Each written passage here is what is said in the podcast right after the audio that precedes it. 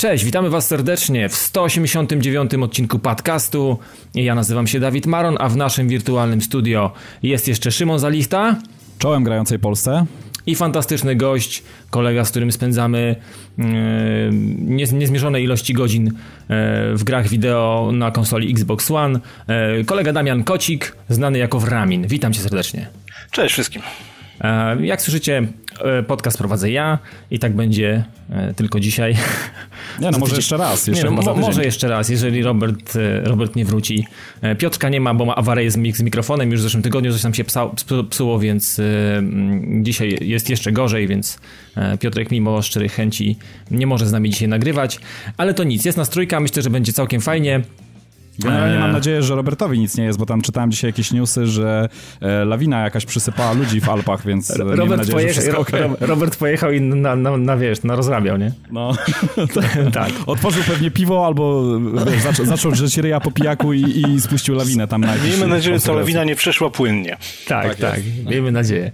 E, dobra, parafialnych dzisiaj nie ma, bo nie ma specjalnie o czym mówić. E, natomiast w różnościach społeczności, bo mm, ostatni odcinek e, sprowokował, znaczy nie wiem, sprowokował, sprowokował, nie sprowokował, ale spowodował, że mm, bardzo fajnie rozmawialiście na tematy mm, rozbudowy konsol i w ogóle e, całego tego podejścia.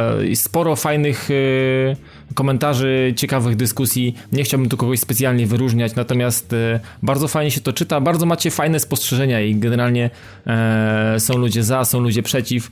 E, to całkiem fajna dyskusja. Jeżeli ktoś chciałby zobaczyć, to padtv.pl wie ostatni odcinek, czyli 188 może sobie poczytać, bo naprawdę mm, ludzie piszą fajne rzeczy i, i takie, które na przykład nam nie przyszło do głowy, więc y, no, niektóre mają sens, niektóre nie. nie chcę mówić, które, które tak, a które nie. E, I, I, na tym jakby zostaniemy, jeżeli chodzi o różności społeczności. I pierwszy temat, nie będzie płynnych przejść, bo jestem w tym słaby. Zaczniemy trochę od takich e, niefajnych informacji, dla niektórych może nawet dramatyczne by się wydawało. Chociaż e, niektórych mogą cieszyć. Wie, niektórych wiesz, no. mogą cieszyć, ale... No, moc ale... w fanboyach jest ciągle mocna. Tak, moc w fanboyach jest, jest ciągle mocna i silna. E, no i źle się dzieje, jeżeli chodzi o Lionhead i w ogóle o Fable Legends, które... No ja specjalnie nie byłem zachwycony, mm, ale sytuacja tam jest nieciekawa. Gra została po prostu najnormalniej anulowana, a Lionhead po prostu poszedł pod nóż. To ale jest pewnie... To jest najdziwniejszy, przepraszam, że ci tak wtrącam, Dawid, okay. ale to jest najdziwniejszy fuck up, jaki, jaki, jaki mnie spotkał jako gracza, dlatego, że powiem wam, ja byłem takim mm, e, no bardzo, znaczy byłem mocno zaangażowany w beta testy, które już, w których siedzę już... No wiem, pamiętamy, no. Od listopada i powiem no. wam, że tak naprawdę z każdym tygodniem dostawałem nowe łatki e, i to trwało tak naprawdę, e, wiecie, no każdy tydzień, jeszcze tydzień temu, kiedy ta informacja nie wypłynęła, to również dostałem nową łatkę, nowy content, nowego bohatera do ogrania, nowe misje do ogrania, także wiecie, no nic y, nie można było wyczuć nosem, ani, y, ani że tak powiem, E, e, z żadnej strony nie dobiegały jakiekolwiek najmniejsze informacje, które, które miałyby no nie było powodu nakier niepokoju, nie? nakierować, nakierować na, na taki niepokój, że, że coś się dzieje nie tak, że ten ty, tytuł zostanie w jakikolwiek sposób e, no, ucięty i że studia w ogóle zostanie zamknięte. No ja jestem w absolutnie ciężkim szoku. Zresztą z tego, co przyznają sami mm, deweloperzy z Lionhead, oni też podobno nic nie wiedzieli, tak twierdzą, że, że, że to spadło na nich taki jak grom z nieba tak naprawdę z dnia na dzień. Znaczy wiesz, oni, widać było, że oni rozwijali ten projekt. Ja grałem na początku, bo też, też grałem w betę. Grałem w betę na samym początku, podeszło mi tak sobie, ale jakoś tak ostatnio, z miesiąc temu, ściągnąłem znowu, zainstalowałem i wiesz, widziałem jaka była różnica między tamtym buildem, a tym mhm. ostatnim buildem. Dołożyli jakieś intro, jakiś taki początek fabularny, zwiedzanie tego zamku. Tak, Zaczynało to tak. wyglądać całkiem fajnie, była naprawdę spora różnica i nagle taki bam. Tak, bo e, to trzeba przyznać, wiesz co, Damian, to się ze mną pewnie zgodzisz. Te pierwsze wersje, jeszcze ja mówię o wersjach z zeszłego roku, tak. e, one nie były jakieś powalające. Oczywiście było czuć ten sznyt taki Lionhead, było czuć ten e, gdzieś tam ten dowcip e, zawsze brytyjski przemycany przez to studio. było czuć to, że, nie, że jest to, prawda, takie bardzo zabawne, z lekko takie kreskówkowe, ale nie tak. infantylne. Dokładnie, dokładnie. No taki styl właśnie Lionhead i, i styl Fable całego e, świata, e, także to się fajnie zapowiadało, aczkolwiek od strony technicznej to leżało i kwiczało, a ostatnie buildy, trzeba przyznać, że naprawdę, no, no już robiły wrażenie. Ten tytuł naprawdę fajnie wyglądał. Ja wam powiem więcej, że e, ta decyzja dziwi mnie o tyle, że no sami wiecie, w zeszłym roku byłem na Gamescomie i to było jedno z większych stanowisk, e, jeśli chodzi o takie mm -hmm, ekskluzywne mm -hmm. tytuły Microsoftu. Naprawdę było miejsc, pierdyliard miejsc do zagrania w tą grę. Oczywiście wtedy jeszcze na PC, bo tam te buildy wyglądały o wiele lepiej.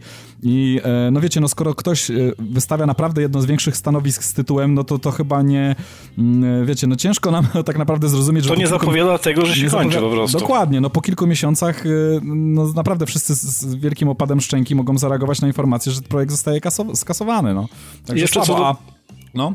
Jeszcze co do przejścia projektu. Ja pamiętam, grałem na początku tym pierwszym buildem e, czarodziejką tą, która, uwaga, można się śmiać, rzuca jabłkami jako projektilami. Tak, I pamiętam, tak. że nie podeszło mi zupełnie, bo ona tam trzeba było wrzucić w zwykłego moba ze 3 kilo jabłek, żeby on w ogóle to poczuł. A teraz wziąłem tego, tego, te, tego wojownika z kuszą, no i grało mi się w to tak fajnie, że myślę sobie, o, to jest coś i w to będzie można grać, jak wyjdzie. Oprócz ja tego pamiętam jeszcze mhm. sekund, jak to zapowiadali, jak to wychodziło, to pamiętam, że pierwszy, naj, najpierwszy zwiastun zrobił na mnie spore wrażenie ja wtedy miałem PS4 i tak myślałem, kurczę, jakbym kiedyś miał Xboxa, to w to trzeba będzie zagrać, bo ten pierwszy zwiastun wyglądał po prostu przecudownie, naprawdę świetnie. Ja wam powiem tak, hejty hejtami, ja rozumiem, że jeżeli ktoś miał styczność z... Mm, znaczy, bo to jest, trzeba, trzeba wyszczególnić tylko może dwie rzeczy, ja jeszcze nie będę może się bardzo rozwijał, ale myślę, że to trzeba powiedzieć. Jeżeli ktoś zagrał jeden z pierwszych buildów, to mógł, być, mógł czuć niedosyt, czuć się zniesmaczony. Poza tym jeszcze drugi taki obóz był ludzi, którzy Fable pamiętają jaką taką przygodę singleplayerową i bardzo hejtowali tą mm, nową, nowy kierunek, który sobie wyznaczył Lionhead, takiej rozgrywki multiplayerowej, cross-platformowej, e, generalnie tutaj e, e, zagrywki Wilanem, który gra niczym na szachownicy, plus taka z drugiej strony yy, kooperacja, troszeczkę podobna do moby i może ten kierunek niektórym się nie spodobał, ale naprawdę yy, powiem wam, że, że ktoś, kto by zagrał w najnowszy, jeden z najnowszych buildów, byłby, mógłby być naprawdę oczarowany i tym klimatem, i wykreowanym światem, i mechanikami, które tam są wprowadzone, i dowcipem, i wszystkim. Naprawdę, ten tytuł zapowiadał się niesamowicie smakowicie, także no, pff, ciężki szok, ciężki szok. I to ciężki jeszcze szok, dokładnie. No, jeszcze trzeba tutaj dopowiedzieć, bo Dawid tutaj wpisywałeś że to się tyczy Lionhead. Ja jeszcze tylko dopowiem, bo tam doczytałem sobie dokładnie, jak to wygląda. E, jeszcze jest e, Kolejna firma, która, która, która zostaje zamknięta, ta spod skrzydeł Microsoftu, to Press Play. Może, mm -hmm, możecie ją tak, znać tak, tak, od tak. Maxa, Curse of the Brotherhood. Też według mnie bardzo udana platformówka, świetna, wykorzystująca takie, takie nietuzinkowe patenty. Jest jeszcze po kilka mniejszych i mm, znaczy trzeba zaznaczyć, to nie są może ty, y, firmy, które zajmowały się, znaczy po, poza Lionhead, jakimiś tytułami AAA, ale mm, kilka firm, które produkowało w y, jakichś tam mniejszych czy większych ilościach indyki y, spod skrzydeł Microsoftu właśnie te firmy będą skasowane. Tam jest co najmniej pięć firm. I to są takie mniej znane firmy, prawdopodobnie jakbym wymienił nazwy tutaj, to nawet y, niewiele osób by skojarzyło te firmy. Dokładnie. E, ale po prostu no, y, indory zostały no, wykastrowane jakby mm, z, no, jak widać z, znaczy, z a, a, propos, a propos wykastrowania, tu prawda płynne przejście, a propos wykastrowania, to, to, jest, to, to świadczy o tym, że odchodzi pewna idea. Pamiętacie, parę miesięcy temu wyszedł, wyszedł taki boom na gry 4 vs 1. Mhm, tak jak tak, było w Evolve, tak. tym samym, tym samym, tak, tym samym miało być e, to Fable Legends. I przypomnijcie mi, czy któraś z gier z tej serii, z tej nazwijmy to, z tego modelu wyszła? Na pewno wyszło Evolve, ale czy wyszło coś jeszcze? Tam zdaje się zapowiadała jeszcze, jeszcze jedna firma, ja nie pamiętam, bo teraz mi dopiero przyszło do głowy, mhm. ale było zapowiadane całe mnóstwo tych gier i nagle co, wyszło Evolve i, i chyba cisza. Tak, no, ale ja to pamię... Evolve też nie wiem, czy to, to, to, to też nie porywa ludzi. Znaczy, no, ci, tak, ja ale Evolve nie odniosło sukcesu, oczywiście, ale chodzi mi o te gry 4 versus 1, o ten mhm. model. Ja, ja pamiętam, że jeszcze y, mi, śmignęło mi gdzieś, ale no jakoś specjalnie nie przykładałem wagi, y, gdzieś y, coś, jakiś, jakiś taki dungeon, dungeon crawler, y, jakiś tego, te, tego typu rozgrywka, też na cztery graczy, też w tym w podobnym klimacie, kontra jakiś tam, jakiś tam jeszcze jeden gracz y, jakby po drugiej stronie grający w, też jakimś rodzajem Wilana. Mignęło, śmignęło mi coś takiego, ale jak widać y, gdzieś to, gdzieś to no, przypadło, bo już nic nie słyszymy o tym tytule. Dokładnie. Czyli sama idea po prostu już odeszła. Mhm. Tak, a wiecie, wracając jeszcze do samego Fable, bo e, ja w sumie jakimś specjalnym fanem marki nie jestem i pewnie nie, nie byłem i nie będę. E, e, natomiast zastanawiam się, czy to jest faktycznie definitywny koniec y, samej marki, bo wiecie, to, że zostało anulowane, to też nie oznacza, że zostało wyrzucone do kosza, bo to jednak y, może ktoś... Marka jest mocna. Marka mhm. gdzieś tam jest, teraz kwestia, co się będzie, co się będzie z tym działo, nie? No, ludzie, ludzie najbardziej chwalą drugą część, która, wiecie, była w takim bardzo klimacie Dickensowskim, e, gdzie mhm. no to wspaniała opowieść, wspaniała historia, przygody, które przeżywamy, masę e, opcji rozwoju naszego bohatera, e, w, w, tego, jak wpływamy na całe środowisko. To było naprawdę fajnie zrobione, to była ciekawa wizja i bardzo fajnie zrealizowana. Ja myślę też, że marka nie, mm, e, nie zginie, że Microsoft chyba jest jakimś właścicielem tej, tej marki, tak mi się wydaje.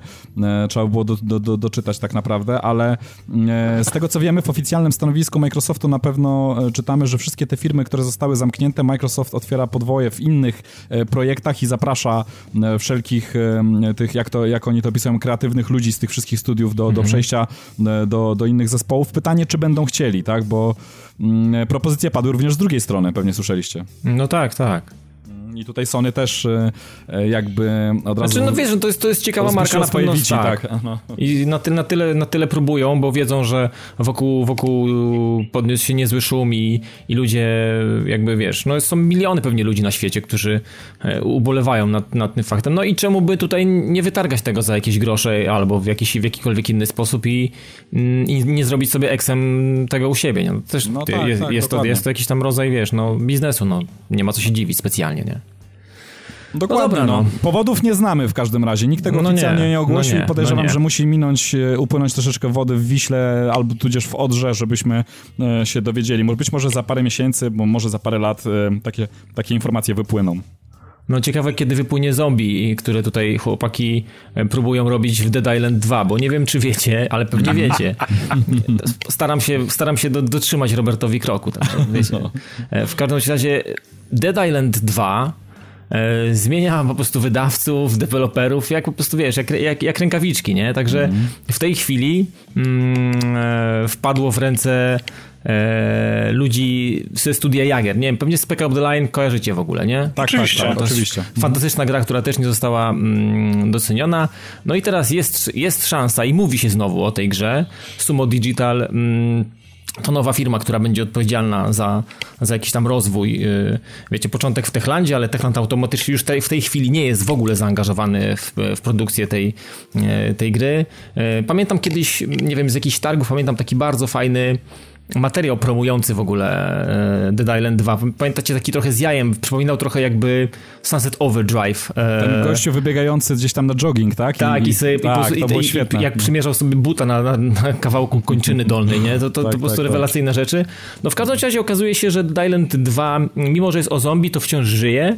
Mm, i najprawdopodobniej e, zobaczymy jakieś, jaką, jakieś, jakieś rzeczy niebawem, bo mm, tak powiem wam, że tych zombiaków, ja tak się zastanawiałem, mówię, poleciało teraz Dying Light, y, Dead Island no wiecie, Techland robił to tak trochę na jedno kopyto. Nie wiem, czy macie takie wrażenie, bo... No tak, tak no, było. Dead Island, y, Dead Island 2, mówię, kurczę, tak trochę i mówię, nie wierzę za bardzo, nie, nie wierzę w to za bardzo w tą markę. Potem jak się pojawił Dying Light, który w tej chwili naprawdę jest świetną grą o zombiakach. No święci triumfy, naprawdę. Tak, to jest, to jest w ogóle i, i ja też od niedawna mam możliwość dzięki uprzejmości Techlandu też grać w tą wersję Enhanced właśnie z tym dodatkiem i tak dalej i powiem wam, że naprawdę to jest naprawdę świetna gra. Teraz jestem ciekawy e, co, co musi się faktycznie zadziać, albo co, co musi być e, wymyślonego w The Island 2, żeby przebić tak fantastyczny mm, Dying Light, który jest, nie? Ciężko będzie. Wiesz, to robi kto, to robi, to robi kto inny. A druga rzecz, że Dying Light to jest coś takiego, tam było dużo Mirror's Edge'a, było dużo parkouru, no a, z kolei tak, tak. a z kolei The Island 1 to było coś bardziej w stylu Borderlandsów z, z zombiakami, więc mhm. nie wiem, czy dobrym pomysłem jest porównywanie jednego i drugiego jednego i drugiego. Tu zwłaszcza, że obie, oba są, no i tu i tu są zombie, ale, ale poza tym w samym założeniu, w samym gameplayu są troszkę inne. Nie Ale to ciekawe, ciekawe, co im wyjdzie, co, ciekawe, no co ja, z tego wyjdzie. Ja wam powiem, nie, nie, nie będę tutaj jakoś specjalnie hejtował, bo ja akurat nie lubię tych y, y, gier e, z podręki Techlandu i nie chodzi o to tutaj, że one, że one są jakieś złe, ja naprawdę potrafię docenić kunszt. Miałem okazję zagrać i w Dead Island, i w Dying Light, y, spędzić z nimi te, troszeczkę czasu i, i, naprawdę doceniam kunszt ludzi, którzy to robią, bo te gry są naprawdę wykonanie, wykonane pod kątem technicznym naprawdę świetnie i świe, mają, mają wprowadzone świetne pomysły, rewelacyjne rozwiązania i to wszystko tam fajnie się zazębia, ten mechanizm naprawdę fajnie działa, ale e, wiecie, czasami z niektórymi grami jest tak po prostu, że mm, no nie mają tego czegoś, nie, ma, nie mają tego haczyka, którym cię, wie, wiecie, łapią i mm-hmm. łapie i, i trzyma i nie, nie, pozwala wypuścić pada z rąk. No niestety, tutaj żaden magnes mnie nie przyciąga. Wiecie, wiecie także, ja, także ja, ja, ja, jakoś no nie, nie jestem fanem. Ja powiem, no ja... Ci, ja powiem wam, że tak na początku też, jak z, e, zacząłem grać w The Island 1, e, to powiem wam, że ta gra w singlu ona jest nudna, ona nie jest ciekawa, ale w momencie, kiedy wchodzi tryb kooperacyjny, który w Dying Light jest świetny, który w The Island sprawdzał się fantastycznie, to wtedy ta gra zaczyna przynosić faktycznie jakieś takie, wiecie, taką, taką radochę z tego, że się gra i po prostu muci się w te zombiaki e, wspólnie. Wydaje mi się, że mm, tutaj znaczy nie wiem, granie w pojedynkę w tych grach yy, jest jakieś po prostu takie, no, no nijakie, no po prostu nie chce, nie chce się samemu w to grać. Po prostu gra rozwija skrzydła w koopie. Tak, mhm. I, tak i, i, to samo jest właśnie w Dying Lightie, który w koopie, po prostu to jest, to jest niesamowita, niesamowita frajda. Znaczy ja zastanawiam się, bo wiecie, Jager oczywiście, to, to już tam jak, jakaś upadłość, teraz ten Sumo Digital, to też nie wiadomo, gdzie to zaprowadzi. Wiecie, to, ta, ta gra w ogóle, ta marka ma takie, takie, takie problemy. Zawsze trafia na jakieś takie mm, momenty, gdzie coś się dzieje, ktoś coś upada, tu Deep Silver najpierw, wcześniej jakaś współpraca, mm -hmm. tu Jagier się zawinęło, bo Spec Up The Line siadło, czy tam nie zażarło jak trzeba. I tak wiecie, ta marka tak krąży, krąży, krąży. Jestem ciekawy, czy faktycznie co, cokolwiek z tego wyjdzie. No ale... Znaczy, ja, ja, ja tylko dopowiem, Dawid, że mnie ten trailer bardzo oczarował, ten, o którym ty mówiłeś. Nie, no to, jest, to było mega, przecież wszyscy naprawdę, byliśmy tym tak fantastycznie zrobiony z, z jajem i tak dalej i mi klimatem zaczęło to troszeczkę przypominać Dead Rising serię, którą akurat bardzo lubię, bo to jest jedna z a ja właśnie serii, nie, a ja właśnie nie. serii o zombiakach, ale właśnie, no, widzisz, ja lubię temat zombiaków taki troszeczkę z przymrużeniem oka, e, tysiące odjechanych broni, e, którymi można e, róż, na różne sposoby robić krzywdę tym to zombiakom. rozumiem, że Saints Row też ci siedzi dobrze, tak? Lubisz takie rzeczy? Bo ja na przykład Saints Row to już... Saints Row dla mnie nie, nie, jest nie jest akurat zjadliwy, ale to z innych powodów i tam jak dla mnie w porównaniu z GTA, czyli bezpośrednim konkurentem, znaczy konkurentem, tu chyba nawet nie ma konkurencji, no. Technicznie, no nie, nie, nie. Te, te, technicznie ta gra jest po prostu tak słaba, że nie ma podejścia do GTA, także to jest troszeczkę inny rodzaj. Ale mówię, zombiaki to ja bardziej, bardziej tak mm, podeszły mi na, na wesoło, tych takich, um, tego podejścia na poważnie tak naprawdę już mam, już mam troszeczkę dosyć, mam trochę przesyt, wiecie, tych gier o zombiakach starających się być takimi poważnymi produkcjami już trochę wyszło i, i jak dla mnie już jest, jest ich trochę za dużo. Także jeżeli zombiaki, to jak dla mnie to tylko takie z jajem. Okej, okay, okay, A tak się po tym trailerze właśnie zapowiadało. I, i no zapowiadało dlatego... się tak, że to będzie taka, no. wiesz, trochę taka kolorowa i taka nie do końca ponura i tak, wiesz, tak, i tak, produkcja. Tak. Taka, taka, właśnie odskocznia. Nie, mro, nie mrok, e, e, nie właśnie jakieś takie przytłoczenie, e, gęsta atmosfera, mm -hmm, tylko -hmm, takie mm -hmm. bieganie na wesoło. Mówię, taki Dead Rising tylko z pierwszej osoby i to mnie przyciągnęło, ale mówię, no jak na razie niestety nie jesteśmy w stanie mm, zobaczyć nic więcej. Chociaż, co ciekawe, bo nie wiem, czy pamiętasz, Dawid, ale pewne, pewni um, ludzie z różnych, z branży, znaczy z prasy, ograli grali już ten tytuł. On był, to, to jakieś demo grywalne było wypuszczone tak, jakiś czas Tak, tak, tak, tak, ale no, i... jakby widzisz, no to, to wszystko... Nagle temat umarł, tak, jak, to, jak, jak ten zombiak. Umiera, no. no, dokładnie, jak ten zombiak. Natomiast na, pe na, na, pewno nie umarło Diablo 2, powiem wam tak, bo e, Blizzard... No to dopiero zaskoczenie, no. To jest, znaczy... Fresh meat. Blizzard, Blizzard to jest Blizzard. To jest firma, której się absolutnie nie da się w żaden sposób przewidzieć ruchów i oni, oni to, co robią jest jakby poza branżą. Oni generalnie robią swoje i robią to robią rzeczy po swojemu. I okazuje się, że Diablo 2, tak, to jest to Diablo 2, e, otrzymuje patcha. Patcha, który mm, pozwala, że tak powiem, mm, cieszyć się grą e, na nowych systemach, czyli tutaj pewnie mowa o dziesiątce i mm, o, o siódemce i czy tam ósemce, sorry, siódemka to nie, bo na siódemce chodzi spokojnie, ale, ale na tych nowych systemach. I na mm. macOSa jeszcze. I właśnie, i na Macu. Więc powiem wam, że kurczę, e, to, to pokazuje, że mm, raz, że to jest Blizzard, a, dwa, a druga kwestia, e, że pewnie masę osób w to musi grać, bo mm, pewnie mają swoje statystyki z Battle.netu i z całej tej sieci, z tej społeczności, jednak okazuje się, że ludzie w to grają i mówiło się w zeszłym roku bodajże, październiku czy we wrześniu, E, czy jakoś tak pod koniec, że Blizzard w ogóle mm, szykował, szykował, szykował takie, takie odświeżenie pewnych, e, pewnych e, swoich marek i chyba też była mowa o Warcraftie trzecim i Starcraftie, ale nie jestem, nie jestem pewien, czy jeszcze o czymś nie, nie było mowy.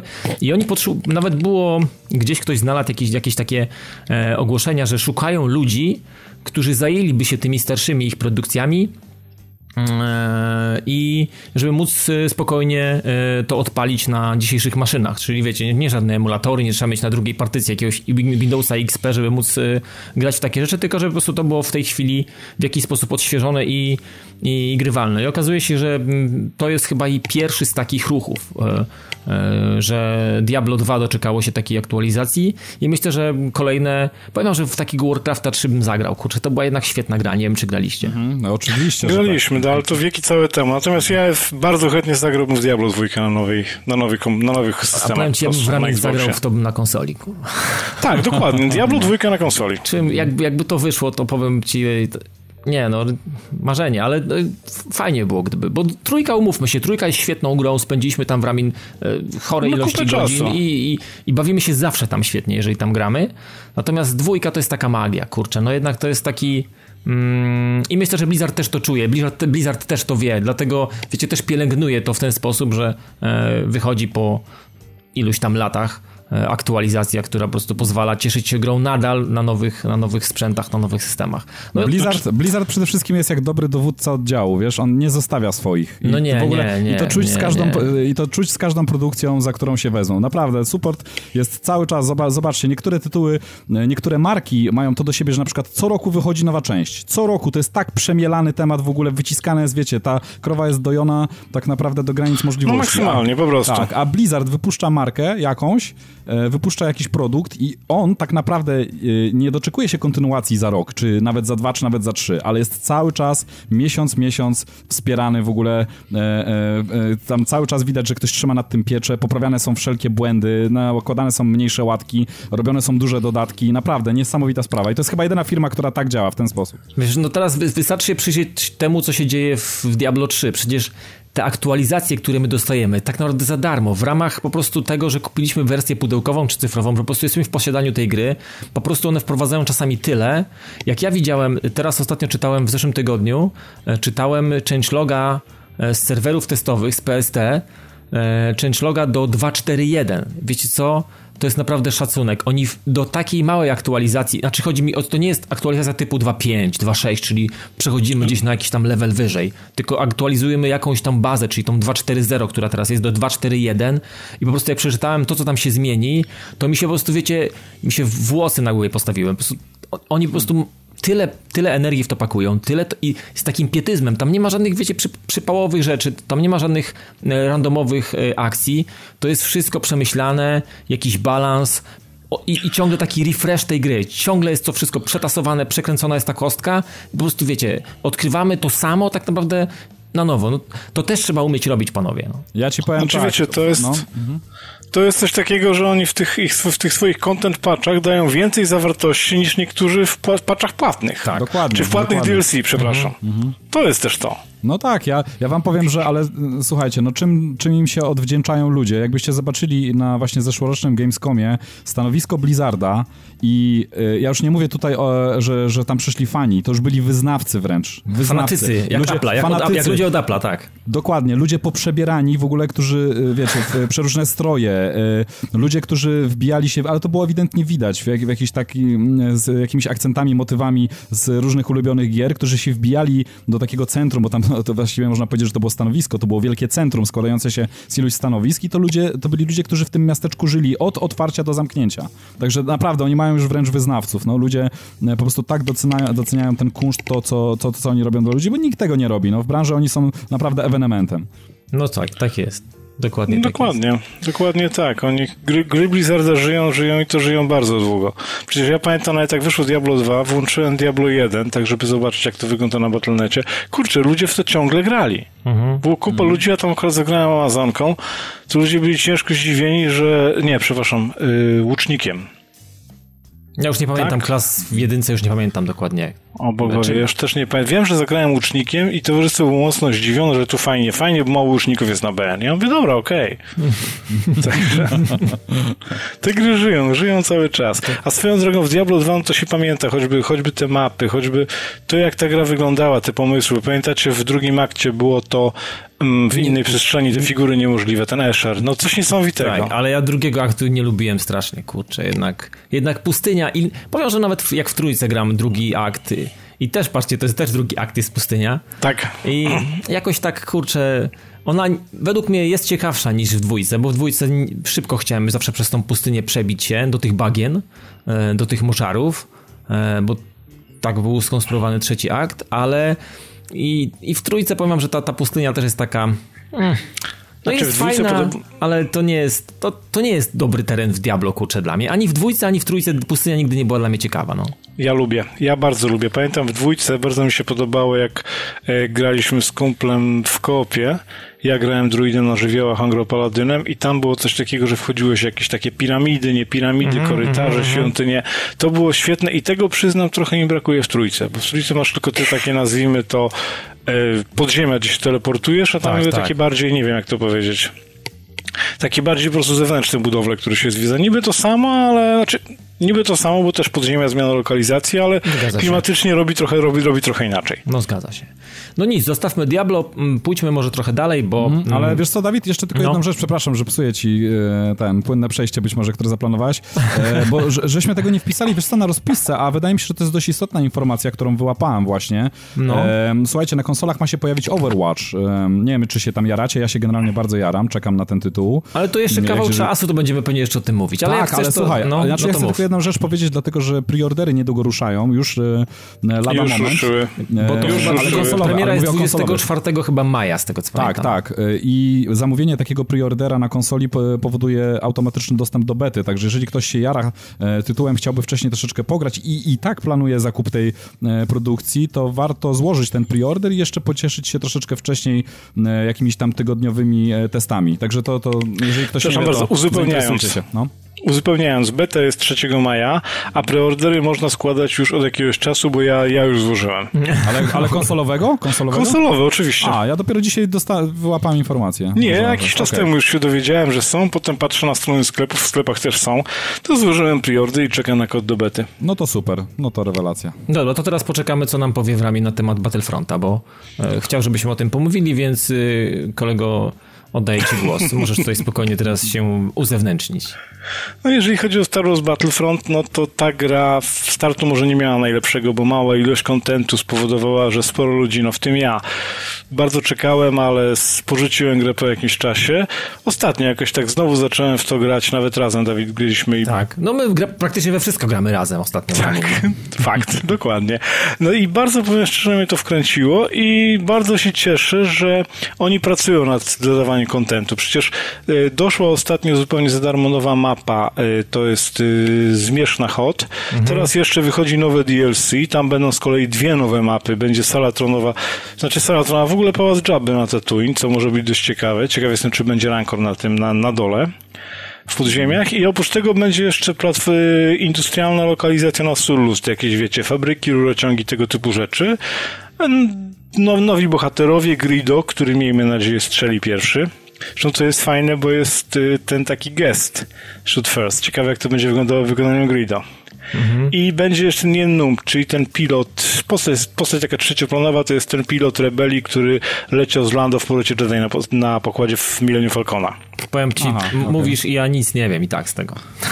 Słuchaj, rozmawiasz z człowiekiem, rozmawiasz z człowiekiem, który ma, który od zawsze ma dzwonek telefonu Marsz Imperialny. Ja wiem, pierwszej ja Nokia 3310. wiem, ja znam to, rzecz... już tą historię znam, Bramin, bardzo dobrze tą historię znam. I ja wierzę w to, w to, w to, co mówisz, nie? Tak na pewno jest, no.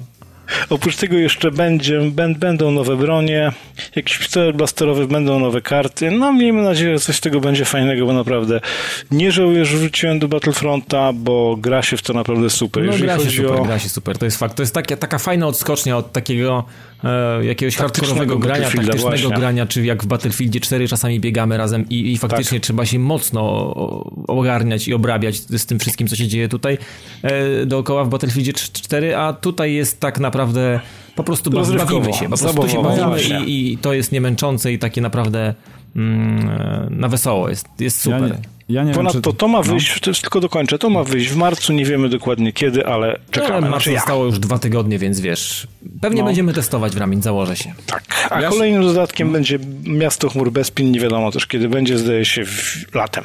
Mhm. Ja Mów Szymon, bo ci wchodzimy w słowo, Nie, przepraszam. spoko, spoko. Ja się zastanawiam tylko, czy coś dodać tak naprawdę, czy zostawić taki e, pozytywny wydźwięk i, i, i to, że się jaracie, bo... No jaramy no, ja, się, no. Znaczy ja wam powiem tak, no jestem fanem Gwiezdnych Wojen, ale jakoś mi kompletnie nie, nie Battlefront nie podszedł i wiecie co, i wszystko fajnie, widzisz w Ramin, tutaj y, jesteś w stanie wypunktować te wszystkie smaczki, które no fani marki, mm, fani filmów na pewno docenią y, jak najbardziej i to są fajne rzeczy. Mi jak się, ja jak tego słucham, to też mi się ciepło robi na serduchu, tylko co z tego, jak z drugiej strony, no mówię, sam rdzenie rozgrywki no nie przekonuje mnie do końca. Wiecie, wiecie, chodzi tylko o to i o tym już rozmawialiśmy, już to wertowaliśmy tak naprawdę kilkokrotnie.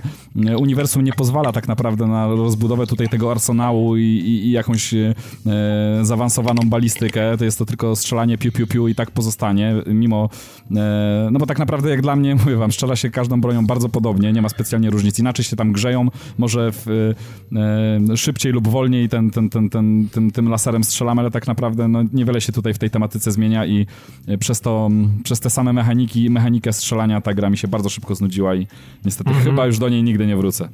No warto. No, według mnie to, to, to, to, też nie jest taka gra, w której po prostu człowiek musi siedzieć cały czas i sobie grać, ale po prostu też przychodzi taki moment w, w ciągu, nie wiem, czasu jakiegoś tam tygodnia, miesiąca, że potrzebujesz tą płytkę raz sobie wrzucić, pograć sobie, mm -hmm. nie wiem, kilka, zrobić sobie jakąś sesyjkę krótszą, dłuższą i znowu tą, tą, tą grę odkładasz. To nie jest taka gra, że wiesz, siedzisz, kręcisz, musisz skilla, wiesz, męczyć, żeby on tam, żebyś był coraz lepszy. Absolutnie no tak, nie. Zdecydowanie. Ja mhm. podłączyłem się, patrzę, że mm, w Ramin gra, no to mówię, kurczę, to załaduję, zobaczę, co tam się pozmieniało, bo jakiś czas temu nie uruchamiałem.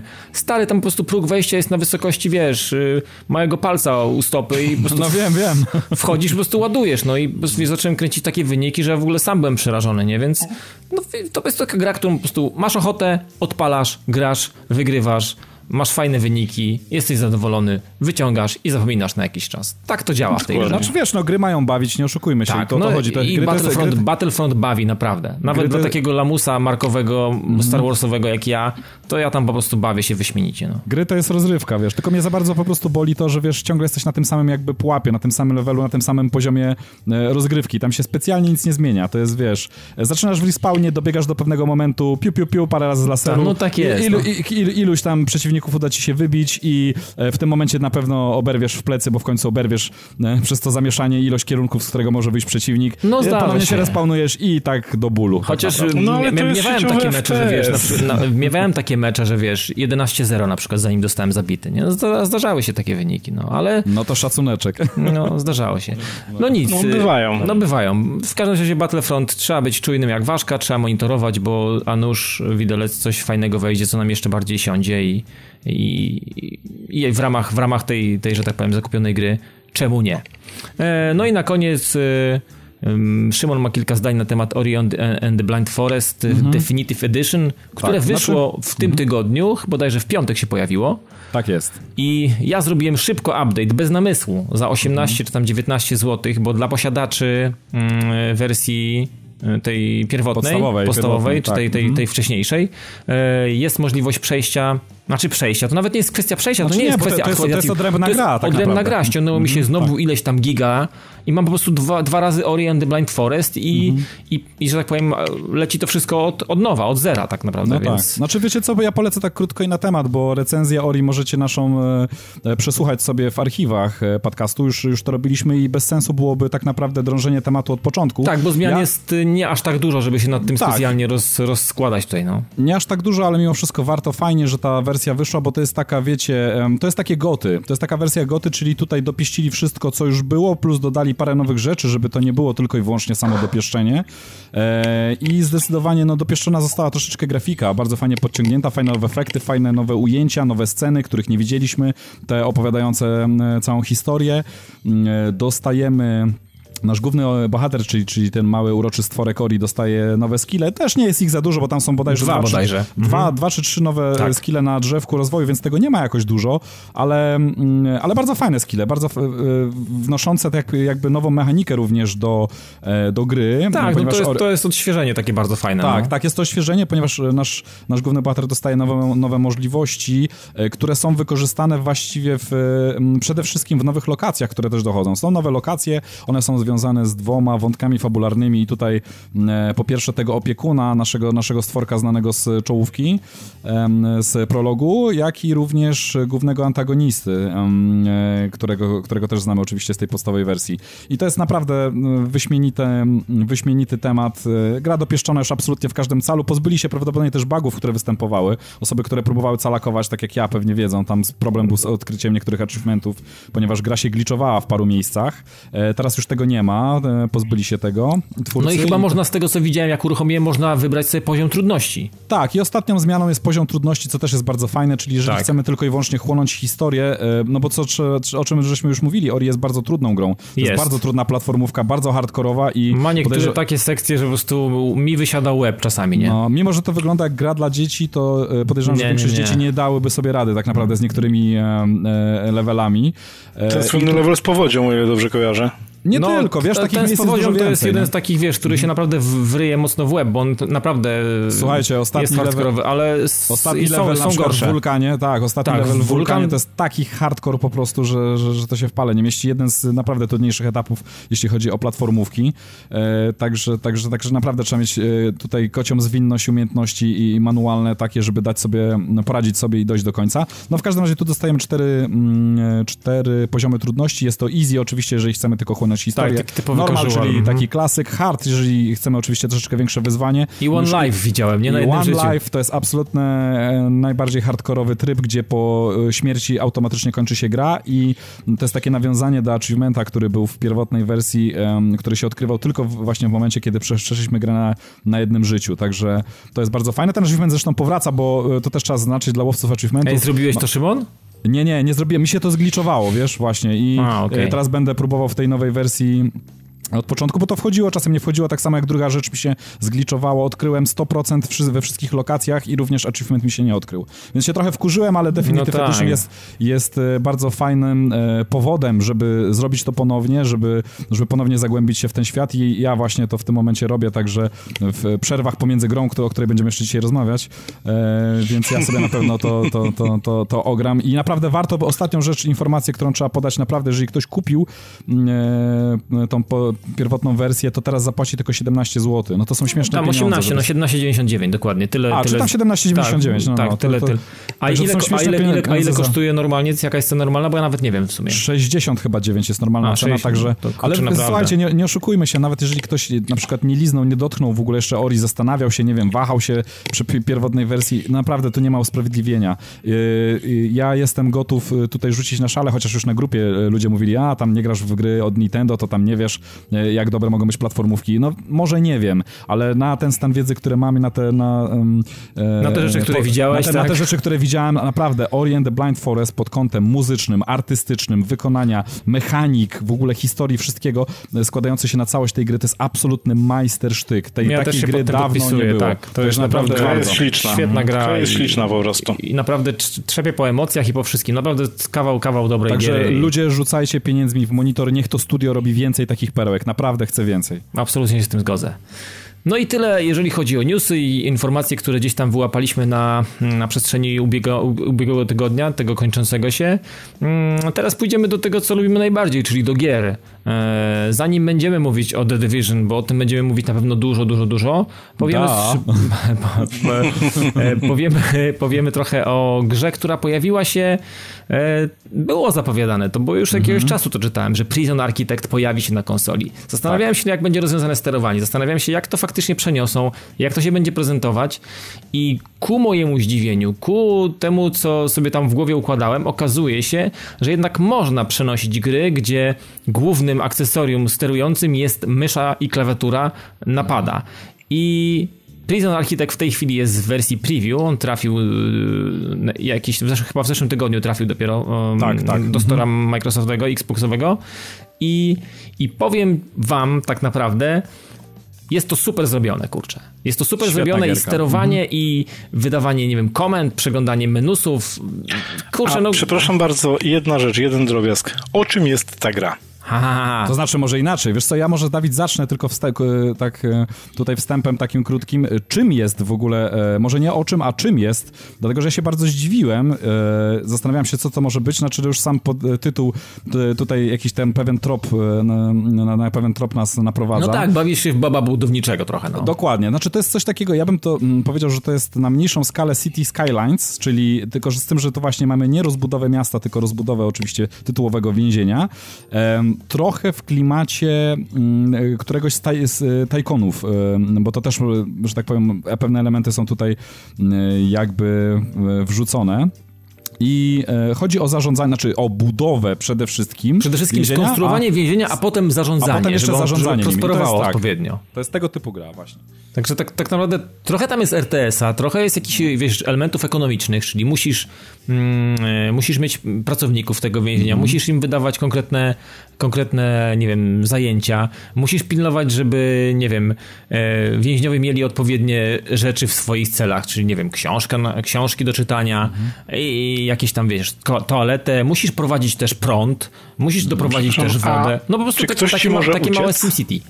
Mm, wiesz co, znaczy, nie, e, nie, może, nigdy, może. Nigdy na, na, PC, w PC, na, PC, na PC nie grałem aż tak dużo, e, liznąłem to gdzieś tam u znajomego, natomiast e, z tego co wiem, tak, tam się dzieją różne rzeczy, napierdalają tak. się, są jakieś burdy na, na spacerniaku, wiesz, jakieś to znaczy, takie... Je, no, ja, znaczy, wiesz co, Dawid, ja może zacznę od początku, bo generalnie gra dzieli się na... E, mamy dwa tryby podstawowe, jeżeli chcemy robić tak zwaną jakby kampanię i teraz tak, pierwszy tryb to jest taki tryb, gdzie, gdzie zaczynamy absolutnie od zera. Czyli e, mamy jakiś tam po, połacie terenu, kawałek drogi, dojeżdżają robotnicy, oni rozładowują z ciężarówki sprzęt, e, mamy zasób jakiejś gotówki pewien, pewne elementy dostępne na początku i z nich Ta. możemy budować, tak? I wtedy zaczynamy, czyli budujemy na przykład bramę, e, budujemy ogrodzenie dookoła, budujemy tak, jakieś tak, pomieszczenia tak. socjalne, budujemy cele, prysznice, stołówkę, nie, pierdy, takie, no, no, no, no, tak, dokładnie. Powiem ci, nawet jest fajnie, bo jest, sorry, że, że, no, ci przerwam, ale, no. ale jest taka fajna misja na początku, że musisz wbudować cele, cele z elektrycznym Śmierci. krzesłem, bo jest normalnie taki, takie, są takie wydarzenia trochę fabularne, wiesz, poznajesz kościa, dlaczego on idzie do tej celi, tam ksiądz do niego przychodzi, spowiada go, wiesz, opowiada całą tą historię, że nie chciał tej żony zabić i tak dalej. W ogóle, wiesz, takie małe, małe story w środku, w więzieniu i konkretnie dotyczy jednego konkretnego więźnia. I po prostu budujesz salę yy, z elektrycznym krzesłem i normalnie jest ten cały wyrok, wiesz, jest takie fajne, jak z komiksu takie rysunki. Tak, no powiem ci, zajebiście to jest zrobione. Tak, tak, tak, tak. ksiądz nim ale... w celi rozmawia. No mega, no mega to jest zrobione. Ale Dawid, ty opowiadasz o drugim trybie właśnie, bo drugi tryb to jest taki tryb, że odgrywamy jakby, mamy już gotowe więzienie, tak? tak? Scenariusz. Zarządza... E, scenariusz taki, zarządzamy tam w konkretnym scenariuszu i tam się dzieje jakaś konkretna historia, czyli mamy na przykład no, no różnych skazanych, e, bo tam widać po tym nawet e, w momencie, kiedy to jest zablokowane, to możemy sobie mniej więcej odczytać, o czym będzie mhm. dana sekwencja i mm, tam mamy różne historie różnych więźniów i borykamy się wtedy z różnymi problemami, czyli właśnie mamy gościa, którego musimy skazać na krzesło elektryczne za morderstwo tam żony, którą przyłapał gdzieś tam na zdradzie, mhm. ponieważ tego się dowiadujemy z fabuły, ale e, no nie, ma, nie posiadamy celi śmierci, tak? Tak więc musimy tak. zadbać o to, żeby ten budynek wybudować, wysyłamy robotników, e, borykamy się na przykład z takimi problemami, że no, cela śmierci musi być zasilana prądem, no ale prąd możemy doprowadzić z generatora, który jest w takiej części e, tego więzienia, że no, musi, musi ta linia jakby energetyczna przechodzić przez cele e, innych skazanych przez korytarz, więc musimy na przykład tak e, e, strażników e, zwołać, którzy porozprowadzają wszystkich do, do celi, pozamykamy, musimy pozamykać te cele, żeby móc w to, do, w to skrzydło wpuścić robotników, ponieważ przy opuszczonych więźniach nie możemy tego zrobić. Wtedy oni prowadzą pracę, przeprowadzają tą linię elektryczną i tak dalej. Także no, te, takie typowe problemy, z którymi rzeczywiście wiesz, by się borykał a, rzeczywiście... Potem, a potem uruchamiasz, okazuje się, że, że, no. że prądu masz za mało, więc musisz, hmm. muszą dołożyć jakieś kondensatory, czy jakieś do dodatkowe baterie, żeby móc wygenerować taki prąd do takiego krzesła. No, no tak, no tak dużo, tak. dużo fajnych mechanik, które właśnie są znane z takich rzeczy jak właśnie SimCity, czyli City Skylines, no dużo takich fajnych rzeczy właśnie pod skórą ta gra ma, nie? Tak, i to jest, i to jest bardzo fajne, rozwinięte, to nie są takie pierdoły, bo mm, komuś się może wydawać, że tam może na konsoli coś jest uproszczone i tak dalej. Nie, naprawdę, nie, nie, tutaj nie, tych, tych, elementów jest bardzo dużo i trzeba zadbać o bardzo wiele aspektów i, i czasami człowiek nawet za pierwszym razem może nie wpaść na to, e, że, że e, o, o coś trzeba zadbać, jakiś aspekt, żeby nie wydarzyło się coś, co spowoduje, że nagle nasze fundusze spadną, nie wiem, e, e, gdzieś tam e, poniesiemy klęskę w, w, w którymś miejscu, także no to jest naprawdę fajnie zrobione, a wracając do tego głównego trybu, o którym mówiłem, to jest właśnie takie projektowanie od podstaw, tak, czyli no mówię, mamy robotników, plac, jakiś tam czysty plac, na którym po kolei wszystko jakby rozwijamy, bo w grze oczywiście, no prawdopodobnie z tego, co udało mi się wywnioskować po preview, chodzi o to, żebyśmy osiągnęli pewien pułap, zaczęli na tym więzieniu zarabiać. A żebyśmy zaczęli zarabiać, no to wiadomo, no najpierw tworzymy jakiś, no, no jakiś, jakieś małe te więzienie, tak? Mało pomieszczeń, mało pracowników, bo tutaj również zatrudniamy pracowników konkretnych, musimy zatrudnić lekarzy do skrzydła medycznego, musimy zatrudnić psychologów na przykład, którzy będą rozmawiali z więźniami, kiedy mają problemy i tak dalej, i tak dalej. Tych aspektów jest naprawdę sporo, o które musimy no jest, zadbać. jest naprawdę sporo i, i zauważyłem, że mhm. dobrze jest tworzyć małe więzienie, żeby nie, nie, nie jechać od razu na jakąś wysoką, tak. dużą, dużą skalę, żeby bo poznać pewne, pewne tak. mechaniki, no. pewne zależności, że to nie da się po prostu wpakować od razu sobie największą mapę e, i, i, i próbować tym zarządzać, bo to się nie uda. Trzeba naprawdę mhm. od no, próg wejścia może nie jest wysoki, ale trzeba się nauczyć w tą grę grać. O, tak to powiem. No. Tak, tak, tak. W każdym razie powiem wam, że e, godny, e, ten, e, godna gra polecenia tak naprawdę dla ludzi, którzy lubią wszelkie takie gry ekonomiczne, takie tajkuno podobne. Tak, Steam Prison i Prison Tycoon. Dokładnie, Coś dokładnie. takiego. Jeżeli, ci to jest bardzo podobne. Zobacz no. sobie to, bo to naprawdę, nie wiem, czy może nie widziałeś, ale ale według mnie warto się tym zainteresować. Je, jeżeli jaramy się projektowaniem y, różnych miejscówek, jeżeli jaramy się zarządzaniem y, powiedzmy jakimś tam kapitałem. Y, jakaś ekonomia, tak, dokładnie. Jakaś ekonomia z zagospodarowaniem jakimiś ludźmi, borykanie się z jakimiś problemami, które tutaj losowo wyskakują w różnych momentach, a czasami są spowodowane naszymi błędami, które popełniamy podczas tam właśnie projektowania czy, czy zarządzania, to to jest właśnie produkt ewidentnie dla was. Jeszcze tylko myślę, Dawid, możemy dodać, że jeśli chodzi o oprawę, to oprawa tu nie jest jakaś taka postawiona na super realistykę, to jest nie, bardziej nie, takie, nie. mi to przypominało troszeczkę, wiesz co, sprite'y jeszcze z czasów e, Commodore, tylko no, oczywiście tak takie trochę, trochę lepszej wygląda, jakości. No. Tak, Wszystko tak, jest takie dość umowne, ale to ma swój klimat, to jest bardzo fajne. No, stylistyka jest, jest bardzo fajna, natomiast y, to, co się dzieje właśnie pod skórą tej gry, to, co się dzieje, że możesz na każde miejsce kliknąć, na każdego więźnia możesz kliknąć, zobaczyć, co on myśli, co tak, on czuje, tak. e, czy jemu się to podoba, czy nie. Po prostu, wiesz, masę takich drobiazgów jest upchane w tą grę. Masę takich drobiazgów, które, które możesz sobie, wiesz, poczytać, wkręcić się maksymalnie w to, co się faktycznie w tym więzieniu dzieje i to, jakie problemy gdzieś tam występują, albo yy, wiesz, jak się czują pracownicy, czy są przemęczeni, czy są przepracowani, tak, tak. czy wiesz, nie wiem, czy nie ma, masz problem z wywozem śmieci, albo odpadów, albo nagle ci gdzieś tam rura ci pękła. Tak, wie, a do tego jeszcze w którymś ze skrzydeł wybucha bunt, no i na jest, przykład. jest grubo. No. Więc no, to są takie właśnie takie rzeczy, nie, że gdzieś tam po prostu robią się jakieś małe, małe, małe takie grupki, które ze sobą współpracują, potem się napieprzają gdzieś na spacerniaku. No do takich wszystkich tych rzeczy, które, które mogą gdzieś tam się wydarzyć w, więzieniu, czy znamy z filmów, czy z różnego rodzaju tam opowiedzi, opowiadań, czy jakichś takich, yy, yy, takich rzeczy, no to, to w, tym, w tym takim wirtualnym, cyfrowym więzieniu jest w stanie się wydarzyć. Więc no, i wszystko to jest fajnie podane, fajna oprawa, e, fajnie, fajnie się gra z nami komunikuje, wydając nam pewne jakieś tam informacje, czy yy, komunikując konkretne zadanie, które mamy wykonać. To jest naprawdę bardzo wszystko łatwe, łatwe takie i przyjazne w ogóle. To jest, naprawdę to się fajnie gra, no.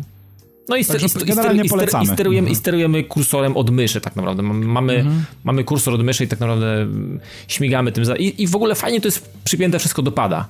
Bardzo fajnie jest to zorganizowane. Człowiek bardzo szybko uczy się tego wszystkiego, tego interfejsu i nie ma problemu, żeby przełączać się między jakimiś zakładkami, albo znaleźć konkretne opcje, albo poczytać sobie jakiś raport finansowy, albo mhm. jakieś zestawienie. No, a no i jeszcze, e, jeszcze, jeszcze musimy dodać, że wszystko jest oczywiście w pełni zwizualizowane. To nie jest tak, że e, na przykład e, e, wybieramy sobie rodzaj ściany, klikamy i ta ściana nagle w magiczny sposób się pojawia. Nie, przychodzą robotnicy, przynoszą materiały, tak. budują tą ścianę, jak jeżeli zaznaczymy sobie drzwi. Fajne, bo to jest tak, jak projektuje się trochę jak w AutoCADzie, czyli tam e, wymiar drzwi podajemy, w którym tak. miejscu, jak usytuowane i, i e, wygląda to troszeczkę jak rysunek techniczny, taki właśnie mówię w AutoCADzie i, i przychodzi ekipa, przychodzi, przynosi odpowiednio na... Czasami na przykład zdarzyło mi się, przyszedł gościu, obejrzał, zobaczył, co tu się dzieje, zobaczył, czego potrzebuje, tak, poszedł, tak. poszedł po narzędzia, poszedł po drugiego gościa z materiałami i zaczęli budować drzwi. Także naprawdę super, fajnie, fajnie to wygląda, wszystko jest zwizualizowane. Ja tylko na koniec chcę jeszcze jedną rzecz po, po, powiedzieć, bo nie wiem, czy zauważyłeś, Szymon, jak grałeś, że jak bardzo mocno zbliżysz się do tego kolesia, który coś robi, to jakby mm. słychać rozmowy, które się dzieją wokół, wokół A tego. Tak, tak, tak, To jest w ogóle tak, super, no, że jak patrzysz na, super, na, całe no. więzienie z góry, to tak po prostu jest jakiś taki dźwięk otoczenia i, i słyszysz jakąś tam autostrada obok jest, czy coś, ale jak się zbliżysz konkretnie, czy to on siedzi w celi, czy jakiś pracownik, który gdzieś tam młotkiem mm -hmm, coś, tak, tak. coś puka, to te dźwięki tak, tak blisko się, to wszystko, wie, wiesz, że jesteś blisko tego, tego wydarzenia i po prostu konkretne informacje w sposób audio są przekazywane. No to jest bardzo, bardzo fajna rzecz, taka... No z pomysłem jest to zrobione, bardzo z pomysłem, bardzo z pomysłem. Widać, że ta gra... Pole, polecamy generalnie, naprawdę. Jest już kupę gra. lat na rynku i, i, i dojrzała naprawdę do takiego fajnego produktu już w tej chwili, no. No to co, chyba tyle, jeżeli chodzi o Prison Architect. e, pewnie myślę, że tak. Wramin już zasnął. Nie, nie, spokojnie, ja tu planuję podkop. Okej, no to właśnie ten, ten podkop, tym podkopem jest pewnie The Division, o którym będziemy mówić i to pewnie będzie lwia część. Czekaj, e, czekaj, czekaj, czekaj, to ja mo- mogę płynne przejście? Możesz zrobić płynne przejście.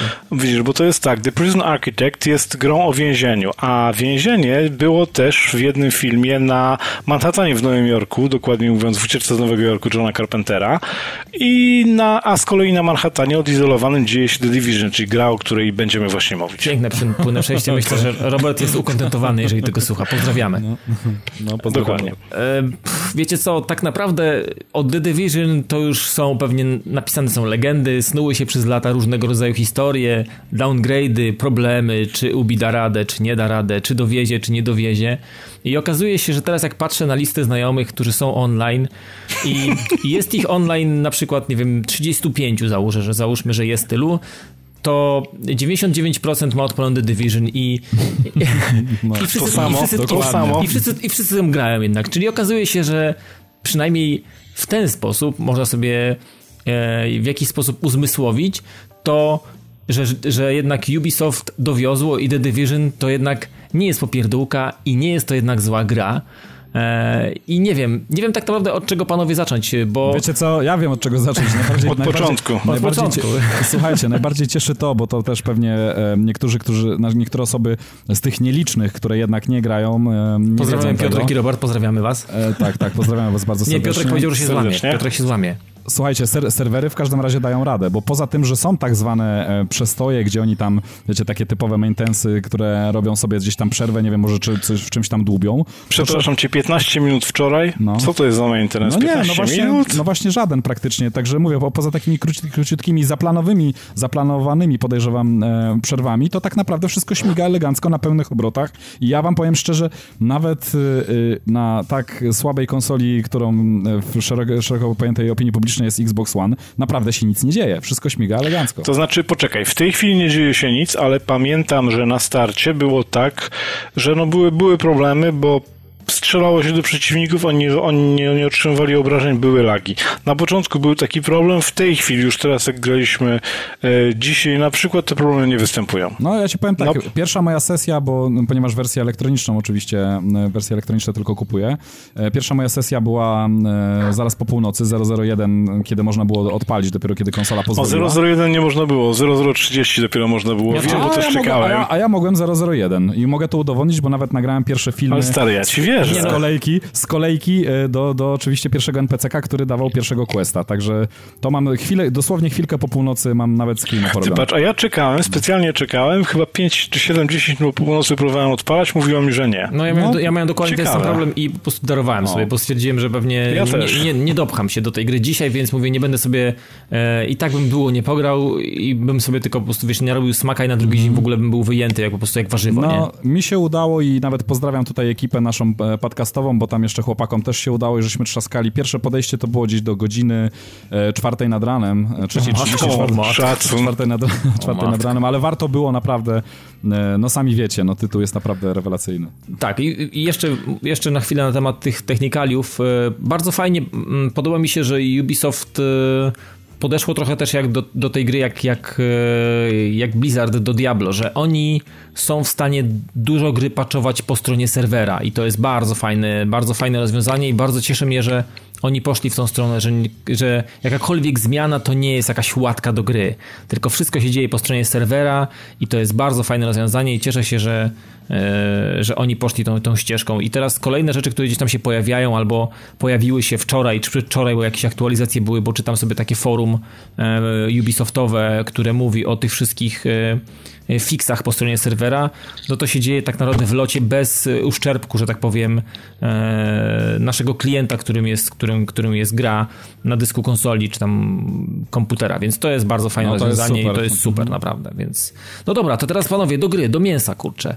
Szymon, dlaczego jest tak dobrze? Jak twoi, twoim zdaniem? Powiedz trochę. E, wiesz co, e, na to się składa kilka rzeczy, ale ja tak sobie to starałem ostatnio ułożyć w głowie i wydaje mi się, że mm, główny powód to jest taki, że e, ja w większość MMO nie mogłem jakoś specjalnie wchłonąć. Pierwsze MMO, które naprawdę zrobiło na mnie ogromne wrażenie, tutaj muszę się troszeczkę w historii cofnąć, to był Ale World powiedz, poczekaj, poczekaj, poczekaj. Ale nie, no dlaczego mówisz, MMO? dlaczego mówisz MMO? Uważasz, że Division jest MMO, takim typowym Tak. MMO? Tak, tak. Uważam, że Division jest e, rasowym MMO, tylko że przeniesionym troszeczkę w nowe realia i opierającym się na nieco innych mechanikach, no bo tak naprawdę dlaczego ja się odnoszę do WoWa? Dlatego, że mm, tak jak w WoWie mieliśmy powiedzmy różne skille, które mogliśmy rozwijać i jakby postać mogła iść, no nie ma może klas, bo tego typowego podziału klas, na klasy nie ma, ale możemy pełnić pewne role, tak? Mówię tutaj o roli tanka, o roli medyka, o roli zwiadowcy, e, bądź też takiego, takiej siły, e, bądź też takiej klasy o dużej sile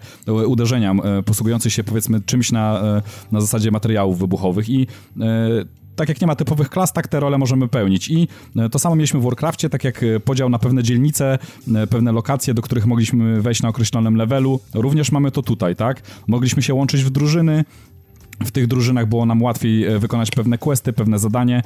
E, Tak jak również i w, jak, jak i w WoWie, jak i w innych rasowych e, MMO. E, Player vs. player, proszę bardzo. Też mamy takie tryby w różnych MMO, tutaj również się pojawia. No mówię, zmienił się tylko setting, ale tak naprawdę według mnie wszystkie te mechaniki jak najbardziej mają swoje korzenie w MMO. No, zamieniliśmy tylko miecz na karabin, a tarczę na granaty. Chociaż nie, no tarcza w, w The Division też występuje, jak wiecie. A zbroja na plamiaka. No, a zbroję na No, plamiaka i taka jest dokładnie. różnica, ale, ale mówię, wracam się tylko dlatego do WoWa, dlatego, że powiem wam, WoW to była pierwsza gra, która mnie tak oczarowała, w której spędziłem naprawdę masę czasu e, i, i, i, mm, i po WoWie tak naprawdę wszelkie Lineage e, czy Guild Warsy, czy inne, czy inne gry już nie potrafiły mnie wkręcić. To już było tak naprawdę... Przepraszam, Kabal Online może? Nie, Kabala akurat nie, nie, nie ogrywałem, ale powiem wam, że te inne takie bardzo głośne tytuły, wielkie, jakoś specjalnie nie potrafiły mnie wkręcić i ja już uznałem, pogrzebałem absolutnie, wiecie, sześć stóp pod ziemią e, wszelkie, ten gatunek MMO i stwierdziłem, że ja już nigdy do tego nie wrócę, bo to będzie zbyt duży pochłaniacz czasu, a poza tym tak naprawdę pomysły są tylko i wyłącznie powielane i nie wnoszą żadnej świeżości. I tu w tym momencie, w 2016 roku pojawia się e, The Division, który e, co prawda podaje może e, jakby podobne mechanizmy, znaczy jest podobny schemat działania jak w MMO, ale podaje to w całkowicie nowy sposób. Czyli mamy broń palną, e, czyli, e, czyli mamy e, no całe to mięcho, które no, no jak wiecie no jest niesamowite, tak? No, nowa lokacja, nowe realia, mm, całkiem fajny setting i, i, i, w tym momencie mówię, nie musimy biegać już z mieczem, toporem i tarczą, tylko, tylko możemy jak cywilizowany biały człowiek pobiegać z karabinem i e, powycinać no mów za siebie. Ja nie gram białym człowiekiem, ale to już inna bajka. Także dla mnie tak, ja jakbym miał powiedzieć w skrócie, to jest dla mnie nareszcie MMO, którym jestem w stanie się zainteresować i rzeczywiście jestem w stanie wtopić troszeczkę czasu, bo kolejnego biegania, wiecie, po zielonych terenach z, z mieczem, no już chyba bym nie przetrawił. Damian, jakie tak twoje pierwsze wrażenia? Co cię tak urzekło? Bo pomijam kwestię, wiecie, alfy, bety, bety, bo beta nam już dużo powiedziała i wiedzieliśmy, że już ta gra jest dla nas, bo to się jakby, no... Tam można było się, że tak powiem, rozsmakować albo się i po prostu i, i zakochać Tam można albo było nie. polubić albo znielubić, tak, właśnie. Tak, tak, tak. Tam.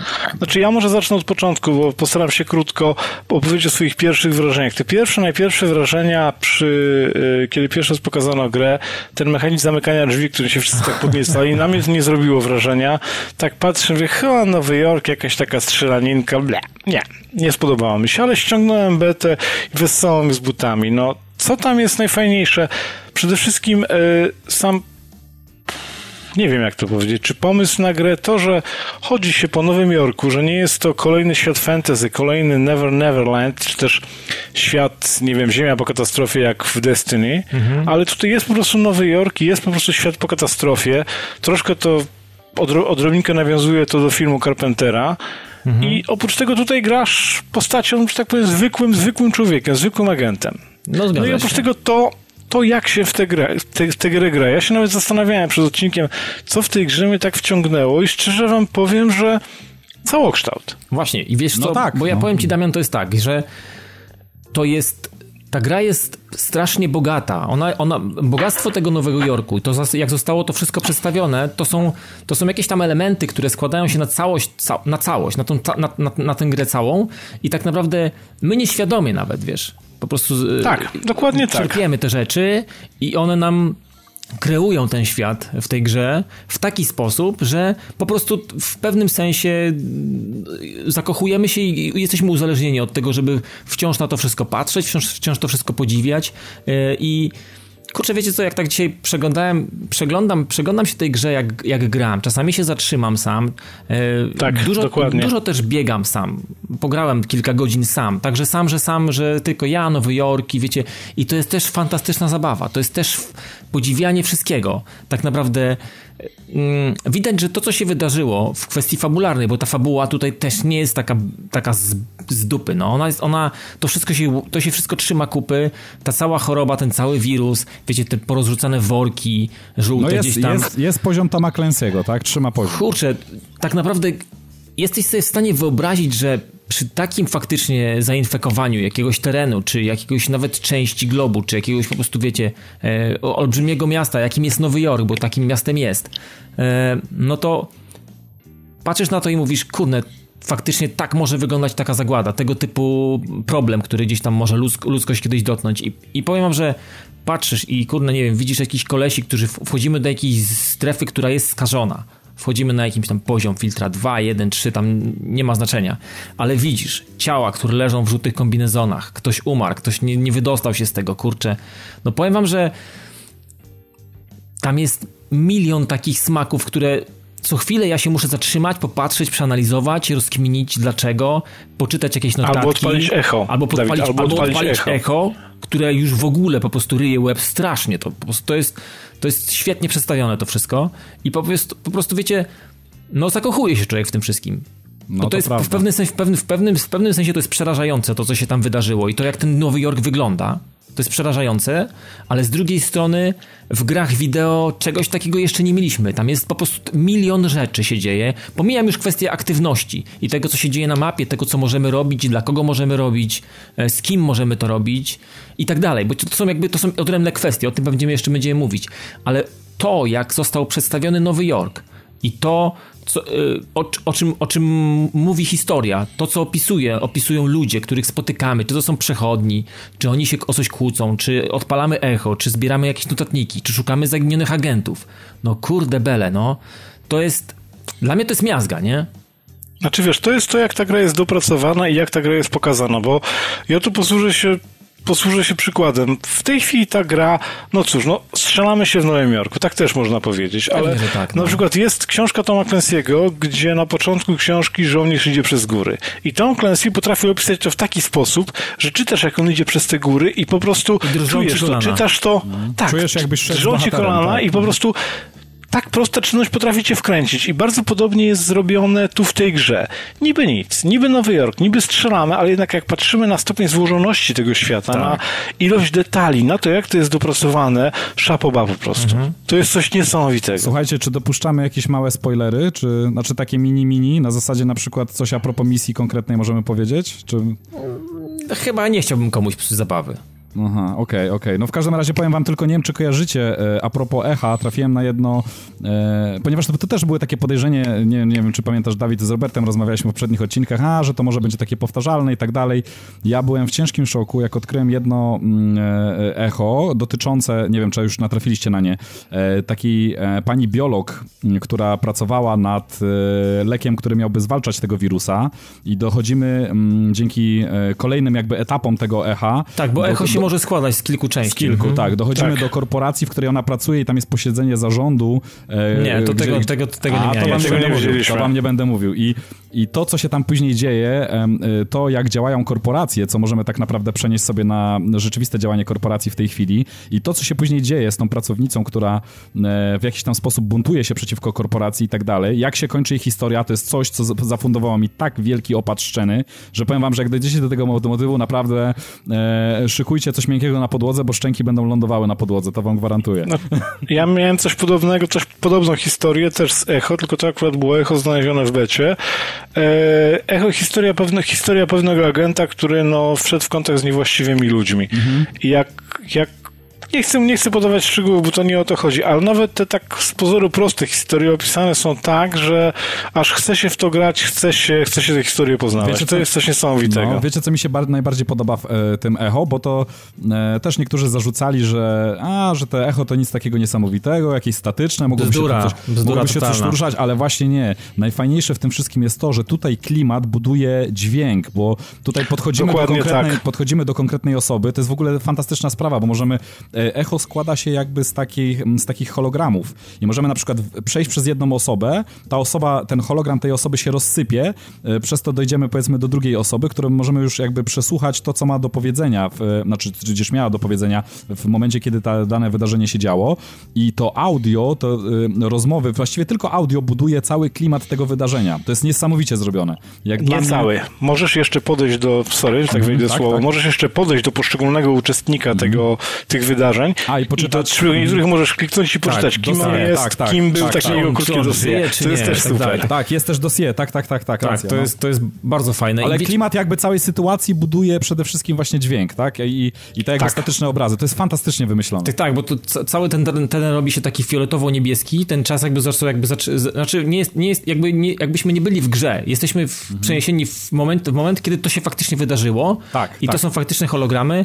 Natomiast każde echo, które spotkałem, no to powiem wam, że kurczę, to są, to są takie klimatyczne rzeczy, że ja nie znam, nie, nie, nie, pamiętam złego echo. Wszystkie te echo były fajne.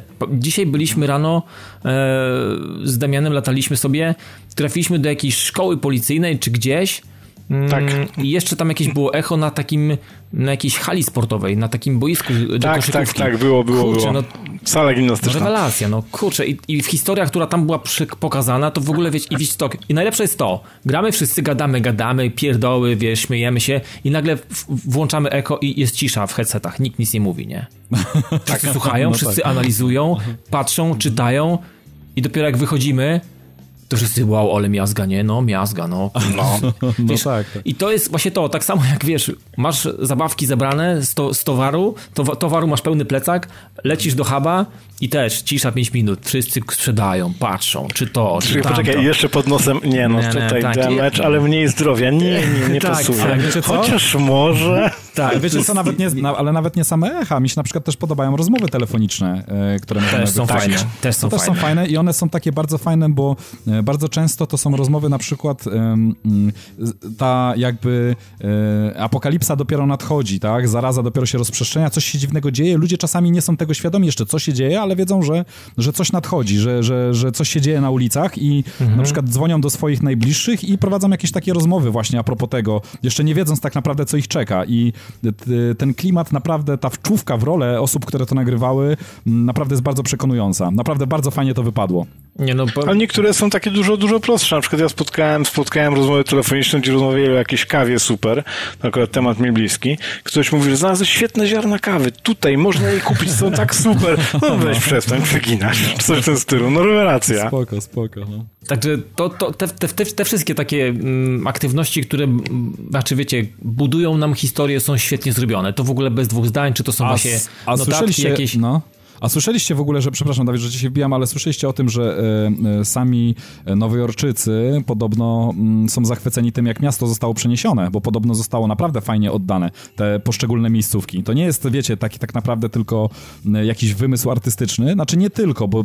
Nie, no tam nie wszystko się pokrywa nie, w 100%. Nie wszystko się pokrywa, tak, ale niektóre ale, miejsca ale są naprawdę odzorowane się rewelacyjnie. Super, tak. To, to, to, to też gdzieś czytałem, widziałem jakieś takie zestawienie, jakieś materiały, jakiś taki film, gdzie ktoś położył to na trochę mm, na Google Mapsy takie i pewne tereny kurcze idealnie są, są spasowane. Nawet Dokładnie. niektóre mhm. miejsca charakterystyczne, jakiś sklep, czy jakiś, wiecie, e, czy jakaś hala sportowa, czy coś, no to tam też to wszystko jest w konkretnych miejscówkach i konkretnie można te, te wszystkie ulice te, mm. tak jak są w Nowym Jorku, to idealnie sobie nałożyć taką siatkę i to będzie tam pasowało, więc no to, ja, to jest, ja wam, to jest no ja wam powiem, że czekam na e, ludzi, którzy e, jakąś grę osadzą właśnie tak dobrze, w tak, do, w tak fajny sposób w Gdańsku. To by było coś. Dobra panowie, bo tak gadamy, te wszystkie aktywności, to jest wszystko fajnie, pięknie, fabuła, to się wszystko fajnie rysuje i odkrywamy te skrzydła w bazie i tak dalej. Za każdym razem dowiadujemy się jakichś fajnych informacji. Natomiast powiedzcie mi, jak, jak czujecie e, albo jak nie czujecie tego, co musicie robić w grze. Generalnie chodzi mi o te wszystkie misje. E, misje mamy podzielone na różnego rodzaju znaczy kolory, które odpowiadają tym wszystkim skrzydłom, które ulepszamy, czy skrzydło medyczne, skrzydło, skrzydło jakiegoś tam chyba jest... Ochrony, i techniczne, ochrony i, i naukowe, naukowe i tak, techniczne, tak, tak, tak. Więc to są, to są kolorki, trzy konkretne kolory, które jeżeli te misje będziemy robić, to będziemy dostawać specjalne punkty, które będziemy mogli potem, że tak powiem, spożytkować na konkretne skrzydło. Mm, I to jest bardzo fajna mechanika, ale jest jeszcze masa. Poczekaj, przepraszam, ale nie dopowiedziałeś jeszcze, że rozwój skrzydeł powoduje rozwój, rozwój konkretnych postaci, perków tak. i umiejętności, to, rozwój to, postaci. To, jest ważne, to jest też bardzo jest ważne, że to nie, nie tylko e, levelowanie tak naprawdę pozwoduje, po, e, pozwala nam rozbudować postać, właściwie nie pozwala nam w zbyt dużej mierze e, rozwinąć postaci samo levelowanie, samo takie klepanie. Znaczy levelowanie daje ci dostęp do mocniejszego sprzętu. Tak, no tak, Natomiast tak, ale, ale skrzydeł już nie rozwiniesz. No tak. nie, ale te skille też nie. są takie, że wiesz, no te, masz tam mm, mm, atuty, ale to są takie trochę bardziej pasywki, no bo o. Czekaj, czekaj, zależy które. No to no masz tak które, skille tak, no. aktywowane aktywnie, masz tak. w tym momencie perki pasywne i masz talenty, które są y, Globalnie się w pewnych tak. konkretnych, nie, poczekaj, w pewnych konkretnych sytuacjach. Tak, ja na przykład mam taki mhm. talent, że jak się schowam za osłonę, to w tym momencie przez 10 sekund mam poprawioną, dużo zmniejszony rozrzut broni. Zgadza się. I pojawia mhm. mi się nawet ikonka pod spodem. Zgadza się. No tak. Tak, i nawet. I to nawet mam jest... tylko dlatego, że odblokowałem jakiś e, skrzydle, w jakimś skrzydle coś odblokowałem. Nie pamiętam co w tej chwili. Ale również macie takie na przykład talenty, no, tudzież perki globalne, które na, na przykład, gdzie jeżeli rozwiniemy skrzydło tych e, K9, tych psów, tak? Mhm, tak. E, to powoduje na przykład, że e, w momencie, kiedy już e, zrobimy wszystkie aktywności, automatycznie pokaże nam wszystkie inne dostępne, których żeśmy nie znaleźli w całej okolicy. Także to jest tak, też wszystkie fajne. telefony. To, tak, tak, to, to też jest bardzo fajne. To też jest bardzo fajne. Znaczy w ogóle patent z tymi skrzydłami dla mnie jest mega, kurczę. To jest, to jest spoko, no. fajna rzecz i możesz sobie faktycznie w jakiś sposób zaplanować rozwój tego wszystkiego. Niekoniecznie Chociaż... musisz, nie wiem, oczywiście fabu fa misje fabularne konkretnie zmuszają i dostajesz punkt na konkretne skrzydło, natomiast jeżeli, nie wiem, okazuje się, że masz to słaby level, level albo chcesz sobie coś innego jeszcze porobić, albo porobić sobie, włą włączać się e, OCD i, i, chcesz tam wyczyścić taki sobie teren, e, teren mapy, no to wtedy te punkty gdzieś tam pozbierasz i możesz sobie spożytkować to w jakiś sposób. Natomiast zauważyłem dzisiaj, że mimo posiadanej ilości punktów dla danego skrzydła, nie mogę niektórych rzeczy aktywować, bo nie wiem, z, powodu jakiegoś, czy zablokowana przez, zablokowanie przez fabułę, albo mam za niski level, po prostu nie mogę sobie tego wykupić, że tak powiem, za te kredyty, więc... Ale to czasami chyba brakuje ci konkretnego człowieka, którego musisz ściągnąć do bazy, który pozwoli ci odblokować al, al, konkretny al, albo, albo tak, albo tak, więc generalnie... Czyli trzeba zrobić misję główną. Trzeba robić tak, jednak tak. Mhm. główne, główne, główne te questy i, i potem dopiero to gdzieś tam w jakiś sposób e, Ale... wykupić. Ale powiem wam, że wiecie co, nie wiem, czy się ze mną zgodzicie, wydaje mi się, że oprócz tej głównej bazy, znaczy, która też jest fajna na swój sposób, oczywiście, ona jest fajnie rozwiązana, e, mi się bardzo podobają wszelkie safe house'y rozrzucone dookoła, tak. ponieważ one aż kipią klimatem. A wiecie, dlaczego kipią klimatem? Dlatego, że to są właśnie miejsca gdzieś tam mm, w samym środku strefy wojny, w których jest absolutnie cisza, spokój, tam nas nikt nie atakuje i przede wszystkim tam się przewijają randomowi e, ludzie. I wchodzimy sobie do takiego safe house'u safe house i nagle się okazuje, że dwóch gości gdzieś tam handluje czymś tam u vendora, E, e, gdzieś tam ktoś po prostu sobie gdzieś odpo odpoczywa w kącie, a e, znowu na przykład kolejna osoba przy radiostacji, która jest dostępna w danym safe, safe house'ie, szuka ludzi do drużyny. Mhm. Także i to jest takie naprawdę bardzo klimatyczne, bo rzeczywiście będąc w, gdzieś tam no, w środku jakiegoś takiego zwarcia kiedy wyczyścimy dany teren, chcemy, chcemy chwilę odsapnąć, zregenerować amunicję, być może znaleźć jakąś, kogoś na przykład sobie do ekipy, kto pomoże nam w zrobieniu jakiegoś questa, którego nie jesteśmy w stanie sami zrobić, to zmierzamy do takiego safe house'a i tam czujemy taki właśnie chill. E, widać, że rzeczywiście prze, prze, przebiegają tamtędy różne osoby e, w różnych momentach e, jakby gry i, i poszukujących różnych, różnych rzeczy, tak? Ale wiesz co, jak, jak, jak, jak, mam być szczery, to mi się te specjalnie te huby właśnie nie podobają. One mi mhm. trochę, trochę rozpieprzają tą E, ten klimat, który sobie gdzieś tam wykreowałem w głowie. Znaczy, nie, nie za bardzo, znaczy ja wiem z czego to wynika, że w safe house'ach albo w tych hubach głównych możemy sobie poszukać kompanów do gry i możemy z kimś -hmm. się tam, nie wiem, spiknąć i, i, stwierdzić, że pobiegamy może razem. No zmontować broń, tak, skupić nowy sprzęt i tak, tak dalej. Tak, tak, więc no. generalnie, nie wiem, znaczy nie podoba mi się to generalnie. To jest rzecz, która mi trochę przeszkadza i trochę mi rozbija, bo e, sobie, sobie wolałbym w jakimś takim, może niekoniecznie jakimś takim mocno intymnym e, klimacie to e, sobie buszować po takich safe house'ach czy po tych e, mm, placówkach, gdzie tam, które nam się udało, udało odkryć i możemy się do nich e, przenosić tą szybką podróżą. Mhm, tak, tak. Natomiast zobacz na przykład, że w głównej bazie, w tej na poczcie, tam gdzie mamy swój, swój, swój, mm, swój, swój główny punkt wypadowy, No, tam, to centrum, no. tam to Mhm. centrum, to tam nikt się nie przewija, tam, tam nie, Nie, biegają właśnie. na przykład. Tak samo gracze, którzy są z tobą w, w party, też ich nie widzisz, jeżeli wchodzisz do, Tak. do... Więc tak... Um, Kurczę, trochę, trochę, trochę mi to przeszkadza. Nie jestem, nie, jestem, nie jestem fanem w ogóle takiego rozwiązania tych hubów. Tam jest, to jest trochę takie, takie trochę rozbijające. Natomiast Nie, się- ro- mi się- rozumiem mi się- to, że to tak jest, że to tak musi być. Natomiast całe szczęście, że to nie wygląda jak w typowych gra, grach MMO, jakiś, nie wiem, Metin czy jakieś inne rzeczy, że tam jest milion ludzi i po prostu kurwa nie widzisz niczego, tylko po prostu las, las kole, kolesi, a las awatarów i tak naprawdę wiesz, to, to już był w ogóle Saigon. Bardzo mi się to podoba, że To Ubi zrobiło w ten sposób, że, że tych instancji, yy, w której w danej chwili znajdujemy się jako gracz, yy, nie znajduje się też za duża liczba tych graczy. E, I generalnie to nie jest tak, że wchodzisz do, do Nowego Jorku i widzisz chyba 3 miliony ludzi grających w grę. Nie, widzisz jakąś tam skończoną liczbę osób w konkretnym, na konkretnym serwerze, na konkretnej instancji. To jest bardzo fajne. Ja się o to martwię na początku i nawet chyba kiedyś o tym wspominałem, że chciałbym, żeby to zostało w jakiś sposób zatrzymane i zachowane i Ubisoft zrobiło to. Widzimy tylko naszych znajomych, ale to też w postaci kropki na mapie, którzy gdzieś tam chodzą po tym Nowym Jorku i widzimy, że są, możemy się z nimi połączyć albo nie, albo możemy w ogóle olać to. Nawet ich nie spotykamy na ulicy w postaci ich awataru, nie widzimy ich w ogóle, w ogóle ich nie widzimy. I widzimy tak naprawdę, sorry, tylko naszych znajomych, z którymi biegamy, zbiegamy do naszego teamu i tak naprawdę ileś tam, to nawet nie jest kilkanaście, to jest ileś, os, ileś osób e, w konkretnych hubach czy kryjówkach, więc to jest, to jest spoko.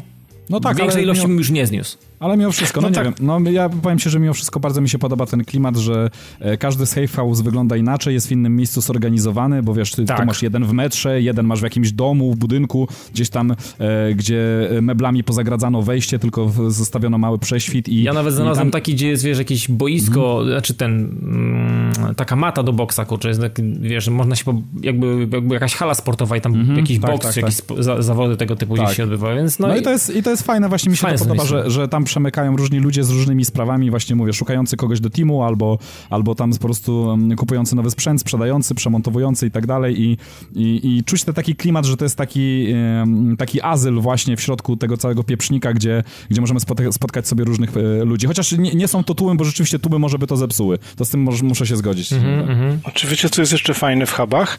E, To, co e, jeżeli grasz sam, bo może tak być, my akurat mamy ekipę, gramy Mhm. razem, ale jeżeli grasz sam, to możesz, masz tam taki komputer, dzięki któremu możesz zebrać sobie ekipę, zdefiniować w co chcesz grać, Tak, wysłać tak. zaproszenie No to do chętnych, tak, tak, tak, tak. zgłoś, aha, sorry, No, no. zgłosić akces i w tym momencie wchodzisz i grasz. Tak, to jest super. To, to ma jedyne takie sensowne wytłumaczenie, że widać te awatary i możemy w, na miejscu w hubie zmontować team, jeżeli nie mamy swojego, tak, więc to, to jest fakt, o tym Ale mówiliśmy. nie, chodzi mi o samo budowanie klimatu, wiesz, że Mhm. właśnie takie miejsca, gdzie się, wiesz, zbarykadowała ekipa, założyła jakiś tam, jakąś, jakąś bazę i, i tam agenci jakby otrzymują wsparcie, bo e, weźmy też pod uwagę, że tam znajdując takie miejsce, możemy sczytać mapę, pogadać z gościem, który wie co i jak w okolicy i nanoszą nam się wtedy nowe rzeczy na mapę. To Tak, też jest to Jak, to jest jak bardzo zrobimy fajne. wszystko, to wracamy i dostajemy dodatkowe XP za wyczyszczenie jest. wszystkich, wszystkich misji na tej Dokładnie mapie. tak. To jest też super. Tak, to jest, to jest bardzo fajna, fajna rzecz. Znaczy powiem wam, że te, te aktywności, ja się trochę bałem, bo tak wiecie, wiemy jak, jak Ubi, Ubisoft potrafi dowalić, nie? W Far Cry'u potrafi też rozsypać, to jest jakby, wiesz,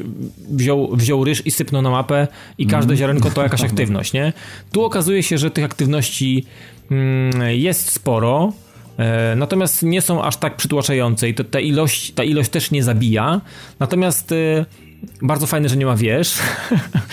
tak, to jest, to jest fajna rzecz. I, natomiast bardzo mi, bardzo mi się podoba, że mm, ta część Nowego Jorku, która została nam oddana na potrzeby gry i po której możemy biegać, ona wbrew pozorom nie jest taka mała, e, w oparciu o to, co mamy możliwość zrobić w konkretnych częściach tego, tego sektora, który nam został oddany. Więc ja bym tutaj też nie płakał, że ten Nowy Jork to tak mało, że tam jeszcze może, może tak tylko jakby jeszcze dołożyli może jakiś Brooklyn Ale albo coś tam. Dawid, Dawid, to się wiesz czym wiąże? To się bardzo mocno wiąże z tym, co ty powiedziałeś wcześniej i to bardzo, bardzo trafnie.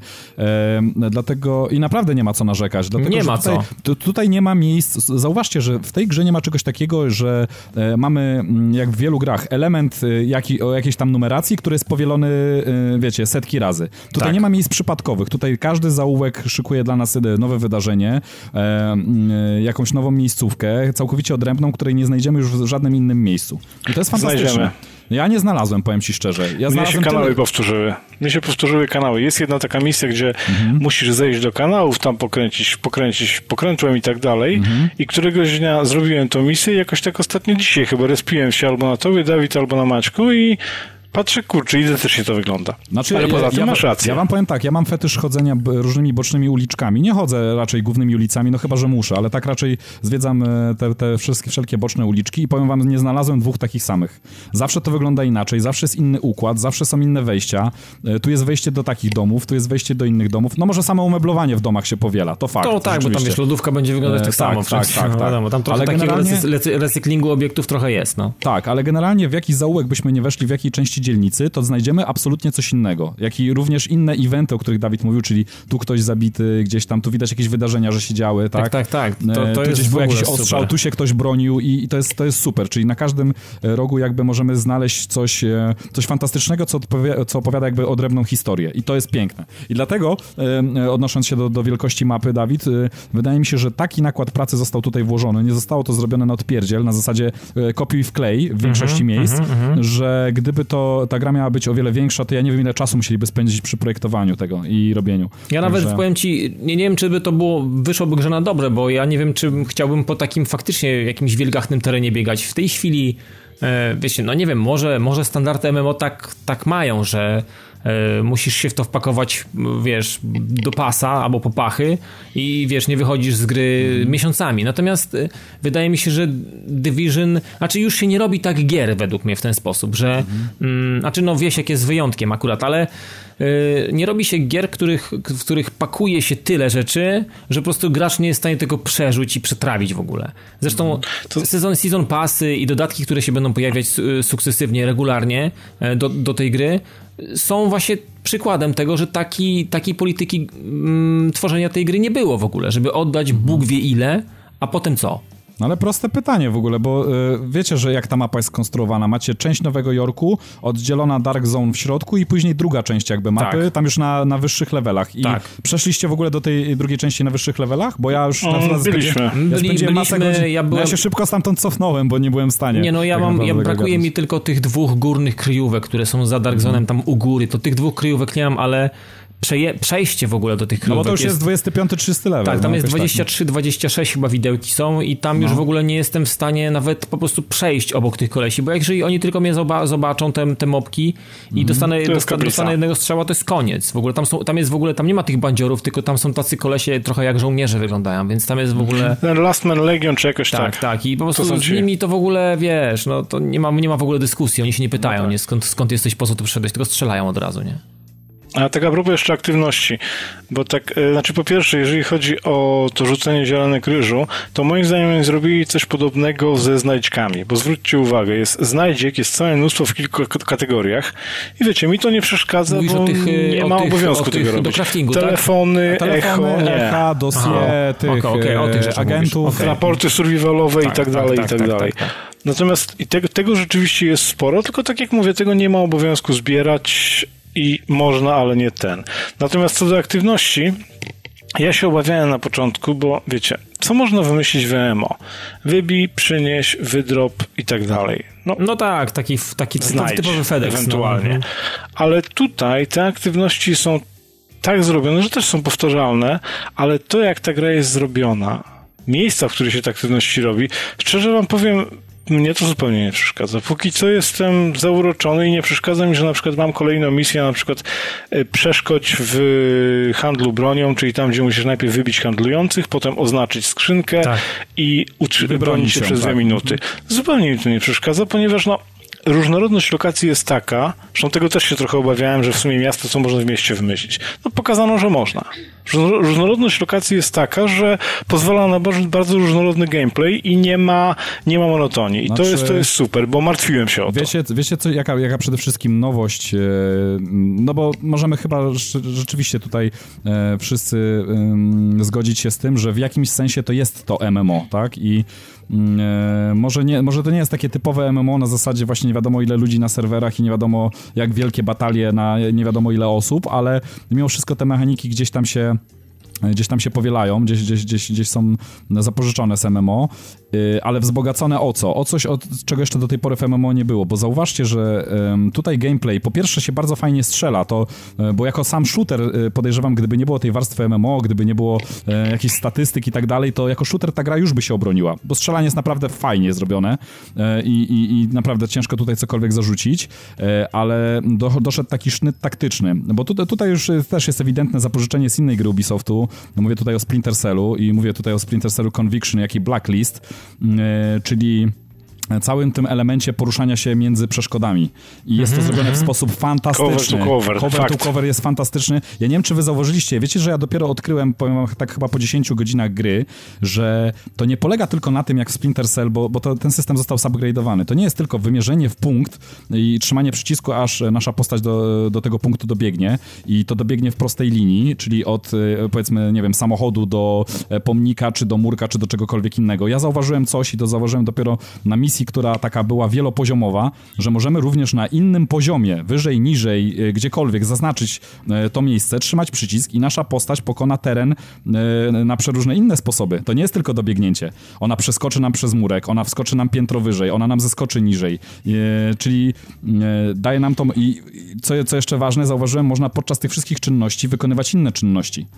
Czyli możemy sobie na przykład w tym momencie jeszcze przeekwipować granat, przeładowywać broń, jeżeli nie jest to broń powiedzmy dwuręczna i nie wymaga na przykład podczas spinaczki użycia dwóch rąk, mhm. e, no to jest naprawdę rewelacja i to jest system tak dopieszczony, tak dopracowany i rozwinięty po Splinter no to, to, że ja jestem w głębokim szoku. To, działa no. bardzo fajnie i ja chętnie i, i znaczy myślę, że to nawet nie jest kwestia chęci czy niechęci korzystania. Po, powinno się z tego korzystać, bo to gwarantuje przetrwanie w jakichś Saigonach. No, Dawid, nie masz no. wyboru, wiesz. W no nie masz wyboru, no. W te, takim typowym MMO to tak naprawdę, wiesz, wybiegało dwóch kolesi z siebie, e, e, na siebie z mieczami, czy tam, czy, czy, czy z łukiem, toporem, czy czymkolwiek innym. E, I wiesz, i to było stawanie naprzeciwko siebie i walenie i, i tak naprawdę wszystko się rozgrywało o to, kto ma lepsze statystyki. Tutaj, że nie dość, że mamy te statystyki, to te statystyki nie gwarantują tak naprawdę nam sukcesu, tylko no musimy nie, nie, rzeczywiście nie. się kryć, kombinować, hmm. używać e, flankować, itemów, przede flankować. flankować. Dokładnie. I, i tylko, tylko to może nam zagwarantować sukces. I powiem wam, że w ogóle co jest fantastyczne, jeszcze o jednej rzeczy, bo mi się przypomniało, muszę powiedzieć, że y, jesteśmy w stanie, ponieważ zrobiłem to na przykład dzisiaj, y, wejść na misję, która jest na przykład y, dedykowana y, graczom, którzy, którzy powinni mieć 3-4 levele więcej i ją skończyć w momencie, kiedy wchodzimy z kumplem, który jest dobrze, jesteśmy we dwóch, we dwóch ogarnięci, dobrze zorganizowani, zorganizowani i z całkiem fajnym wyposażeniem, mm, jesteśmy w stanie to przetrwać. Y, misję 2, 3, 4 levele wyżej. Tylko no, nie jesteśmy w stanie zrobić tego sami, ponieważ szybko padamy, więc ktoś musi nas podnieść, w razie mhm. czego, ale dwóch zorganizowanych ludzi może jest w stanie to zrobić, co jest fantastyczne. Znaczy, no, można, można robić cuda, faktycznie. Tutaj taktycznie i, i, i, komunikacja mm, przydają się, szczególnie gdzie, gdzie przekonaliśmy się wielokrotnie dzisiaj również tak. z Damianem, że jeżeli wyleci naprawdę y, kilku konkretnych żółtych starczami załadowanymi, załadowanymi do fola, no to kurczę, to bez komunikacji, bez jakiegoś podawania sobie, czy to torby zlichania, jak to, jak to określiliśmy, tak? Tak, torba zlichania to podstawa. Torba zlichania z, z, z ziołem, które leczy non-stop, po prostu to jest podstawa i, i, no i ktoś musi od tego być i jeden, jeden wiesz, czy ma skaner, drugi ma jakiś, y, jakiegoś Artuditu, czy jakiegoś innego BB-8, którego puszcza i skanuje całą, całą lokalizację. No, ktoś jeszcze stawia działko ktoś jeszcze stawia jakąś wieżyczkę, którą inni mogą przejąć. Okazuje się, że dzisiaj nam hakowali te wieżyczki Ta. i wieżyczki nasze mm -hmm. strzelały do nas, więc w ogóle totalna miazga. No. Tak naprawdę gry taktycznej i takiej mm, z głową jest bardzo dużo i wymagana jest taka gra. Na, no, może na, pałę, na, początku, na zrobić, początku no? może nie, ale później, jak już te walki naprawdę są, e, są angażujące i wymagają naprawdę podejścia e, z głową do tego, co się będzie działo, albo tego, co nie wiemy, co się będzie działo, bo nie wiem, przylatuje śmigłowiec i nagle wysypują się z niego kolesie i yy, nikt ich wcześniej tutaj nie widział, a nagle są, tak? Po prostu przylecieli. No i radź sobie. Tak, i trzeba sobie po prostu A- radzić, no więc... A zauważyliście, że nawet jest odpowiednik z MMO e, wszelkich flaszek e, leczących, czy tam Tak, zarzucających tak, statusy i tak, tak, dalej. tak, Tylko, że tak. tu mamy takie typowe itemy. Mamy baton, który, batony, które mogą ściągnąć z nas jaki, jakiś status, który został dla nas zarzucony. Ulubiona nasza woda. Tak, wodę, Tak. woda, która chyba... Czekaj, co robiła woda? Woda... No na e, wszystkie te elity potrafi, znaczy więcej obrażeń Plus zadaje. 20% Więcej- więcej obrażeń tak, na, fio- na fiolki no. i na żółte. Dokładnie Tak. i konserwy chyba też, które nam tam e, podnoszą jakieś statystyki, Tak. czy, czy, czy, czy zwiększają, także naprawdę rewelacja. I tam jest jeszcze kilka innych itemów i, i co fajne też, e, co mi się bardzo spodobało, to jest taki drobiazg, ale, ale całkiem fajny, gdzie te itemy możemy tak naprawdę cy, cywilom gdzieś tam oddawać, za co e, dostajemy różne gifty, najczęściej tylko kosmetyczne, ale jest to, to jest to taki fajny, miły akcent, który też buduje klimat. Tak, no... Znaczy ubiorki i malowania No, broni Ramin, też. Tak, jest tak. specjalistą od tego. dalej. Czy nie, no to, to mi się akurat bardzo podoba, bo no trochę, tro, trochę, te, trochę tych ubiorków mam i nawet nie wiem, czy jest to element RPGowy, czy coś, ale ja na przykład staram się no ubierać stosownie ze sytuacji. Ciemna noc to oczywiście leci, jak le- leci coś ciemniejszego, na jakieś słońce coś jaśniejszego i to jest też fajne. Też taki stopień zżywania się ze swoją postacią. wiecie, że Choćby można- kamo na broń też. Wiecie, że można tak naprawdę. Skórki głównie są sprzedawane za prawdziwą walutę e, w, w sklepie Ubisoftu, ale tak dużo się tak naprawdę dropi od tych ludzi, właśnie od cywilów, jeżeli oczywiście mamy tylko ochotę im oddać swoje, niektóre swoje z tych swoich itemów.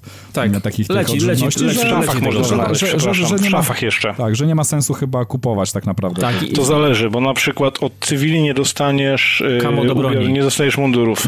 Nie, kamo do broni dostajesz od cywili, Mhm. ale nie dostaniesz od cywili e, na przykład ubiorów Marines i tak dalej. Te trzeba, te trzeba kupować za realną kasę, Aha, okej. co przyznam się szczerze zrobiłem. I w ogóle nie jest mi wstyd z tego No, powodu. ale już No ja- pewnie, że tak. No ja za wersję Gold dostałem trzy takie jakby pełne sety i na razie się tego trzymam. Trzy? Ja dostałem siedem. Wiesz O, co, ja to, na, a to może ja, to może, to może ja nie ściągnąłem reszty. przez nie, to chwilę, może mi się przez nie chwilę było. 7, a potem zaczęli odejmować to i... Nie, przepraszam cię bardzo. Maciek też ma wersję Gold Mhm. i dostał, do, dostał w tym momencie trzy i potem dociągnął pozostałe. A, Po okej. prostu dopiero pod koniec mu się pojawiły Okej, pozostałe. A, to może po Zobaczcie, no. Mhm. Zobaczcie, zobaczcie w tym momencie w Manage Game, czy nie ma do dociągnięcia. Ewentualnie u tego vendora, który daje nagrody. Tam też mogą być. A i jeszcze a propos nie mogę nie wspomnieć o Ubisoft Clubie. To jest też bardzo sympatyczny patent.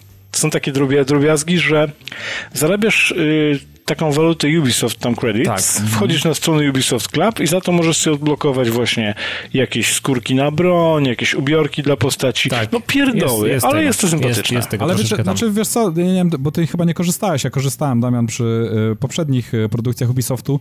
Ten Ubis, Ubisoft Club już od jakiegoś czasu jest i to, Tak, y, zgadza się. i to funkcjonuje już w wielu, wielu innych wcześniejszych grach. Ale to jest Tak, miły na dodatek, przykład to fajnie, w fajnie się R6 sprawdza. W Rainbow Six Siege y, był i na przykład pamiętam, że coś tam w Assassin's Creed Syndicate tak, też tak, sobie tak. coś, coś kupowałem. Dobra, panowie. Tak A, sobie gadamy, wszystko jest ładnie, pięknie, nowy jork nam się bardzo podoba. Ja na koniec chciałbym, żebyśmy pomówili o tym, co jest najważniejsze w Division.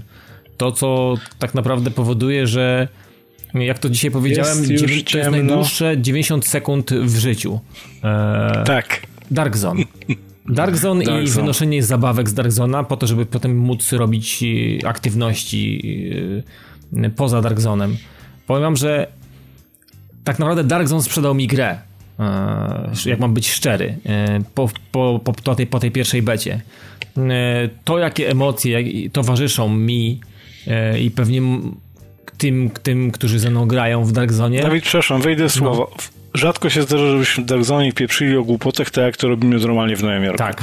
W Dark Zone wszyscy jesteśmy skupieni, fokus, coś tak. mówimy z Po- prawej, po, poślady, z lewej, poślady uważamy. spięte cały czas. Tak. Powiem ci. Tak. Dopiero jak wyjdziemy, to wtedy są hi, hi, Tak, ha, wtedy, ha. wtedy, I to jest wszystko też puszcza, ciekawe. wtedy wszystko puszcza. I dzisiaj, dzisiaj też mi chłopaki, dowiedziałem się od chłopaków, bo nie wiedziałem tego, że jeżeli przełączysz się na e, czat, vo- voice chat w grze, to wszyscy w Dark Zone też cię słyszą generalnie. I ty ich też słyszysz, słyszysz, tak, jako to jeżeli, ktoś do ciebie podchodzi, nie wiem, zaczyna ci robić, wiesz, Johna Wayne'a, próbuje cię, wiesz, wyciągnąć, żebyś wyciągnął tą giwerę jednak pierwszy, to możesz po prostu krótkim komunikatem powiedzieć kolesiowi, żeby się bujał, bo jednak y, źle skończy, albo na przykład, żeby odpuścił, że nie chcemy nikomu robić Wiesz, ale czasami... Albo obróć się, jeżeli obróć, mogę, się mój, czas... obróć się, mój ziomek właśnie ma ciebie na celowniku. Albo też pomaga na przykład, jeżeli przypadkiem dostaniesz road jam, mi się to zdarzyło parę razy. Tak, Wiecie, tak. przypadkiem ktoś wszedł i sorry, sorry, accident, accident, sorry man, sorry. Dokładnie, I czasami dokładnie. rzeczywiście to, to pomaga, nie strzelają, bo z tym roadowaniem to jest też no, osobna sprawa, ale z tym też bywa różnie. Natomiast to jest też, to jest, to jest super. Ten Ale dla ludzi, którzy nie wiedzą, może powiemy, czym to jest spowodowane, bo to jest spowodowane kilkoma rzeczami. Po pierwsze, e, kiedy w Dark Zone zginiemy, a tam m, trzeba wiedzieć, że zdobywamy tak naprawdę najlepsze graty w grze, bo nigdzie takich nie zdobędziemy e, grając e, No poza, nie, poza Dark Zone'em poza Dark takich, Zone. takich zabawek nie ma. Także zabawki wypadają i może je podnieść każdy. Każdy może je zawinąć, kto jest w tym momencie w Dark Zone, jeżeli zginiemy i może nam zabrać zabawki i, i je przejąć i a to jednak troszeczkę trwa, bo czasem e, no, sesje są naprawdę kilkugodzinne, e, żeby znaleźć fajne graty, żeby pozbierać trochę rzeczy, otesekrotować je w miejsce, gdzie możemy je wysłać. Także tu jest strata duża. Poza tym straci, tracimy klucze, którymi możemy otwierać skrzynki, w których są fajne graty. To jest kolejna No sprawa. tak, a spada poza nam tym, poziom. a Tak, poza tym tak. spada nam poziom, bo poziom tutaj jest osobny poziom, o czym trzeba powiedzieć. E, osio- Dark zone'owy, no. Taka ranga. level Mhm. dark zone'owy, taka ranga, która nie tylko fruwa w górę, kiedy jesteśmy na fali i, i wszystkich wybijamy, ale również leci bardzo mocno na, na pysk, kiedy, kiedy giniemy. Kiedy dajemy Także- ciała, no dokładnie. Dokładnie. Tylko także jeszcze jedna rzecz, panowie. Niektóre rzeczy są, niektóre są prywatne, niektóre są publiczne. Tak, to się Ja zgadza. Przynajmniej tak to się było w becie. Nie pamiętam jak było tutaj, ale było na przykład tak, że tu jak zużyliśmy jakiegoś bossa, niektóre rzeczy były dla wszystkich dostępne, niektóre tylko dla ciebie. I podobnie też jest z tym jak zginiesz. Pokazuje ci się komunikat. You lost public items, you lost private Tak, items. To jest się. fajne, że jak zginiesz, możesz po te swoje private items wrócić. Tak, co tak, tak, parę razy robiłem w Mhm. becie. Natomiast, wiecie, to sam Dark Zone jest super, kurczę, to jest, to mnie, to mnie tak eksploatuje ten, ten, ten tryb. Ale to jest nowość, słuchaj, to jest naprawdę nowość. Ja na przykład nie przypominam sobie, żeby coś takiego w FPS-ach sieciowych było. Bo w takim Battlefieldzie w Call of Duty wiadomo, kto jest twoim przeciwnikiem. No A tak. tutaj, Zgadza się. tu może być różnie. Tu może być różnie. Tu może być różnie. Nawet ziomek Ja z na twojego teamu możecie tak naprawdę zdradzić, kiedy zobaczy, że masz coś fajnego w, z gratów, co, co poszukuje. Znaczy wiesz, ja na przykład spotkałem się z sytuacją, kiedy e, było tak, to jeszcze w becie sam grałem, e, podchodziłem do, ląd- do tego, do lądowiska, coś miałem, podlatuje koleś numer jeden, pomachaliśmy sobie ok. Za chwilę podlatuje koleś numer dwa, ale jakiś taki dziwny trochę. Koleś numer dwa mnie odwalił, no nie zdążyłem niestety. Koleś numer jeden odwalił kolesia numer dwa, podniósł mnie, poczekał aż podniosę swoje rzeczy e, i była ten, była ewakuacja. No to jest coś grubo, niesamowitego. grubo, grubo. No to nieźle. Bardzo dziękowałem facetowi. No widzicie, kurczę, i, Także- i, i to jest chyba ta magia Dark Zone'a. Powiem, że zu, zupełnie, i to chyba ludzie, którzy biegają, też to są w stanie potwierdzić, że tam się człowiek zupełnie inaczej porusza. Robi zupełnie inne rzeczy niż poza Dark Zone'em.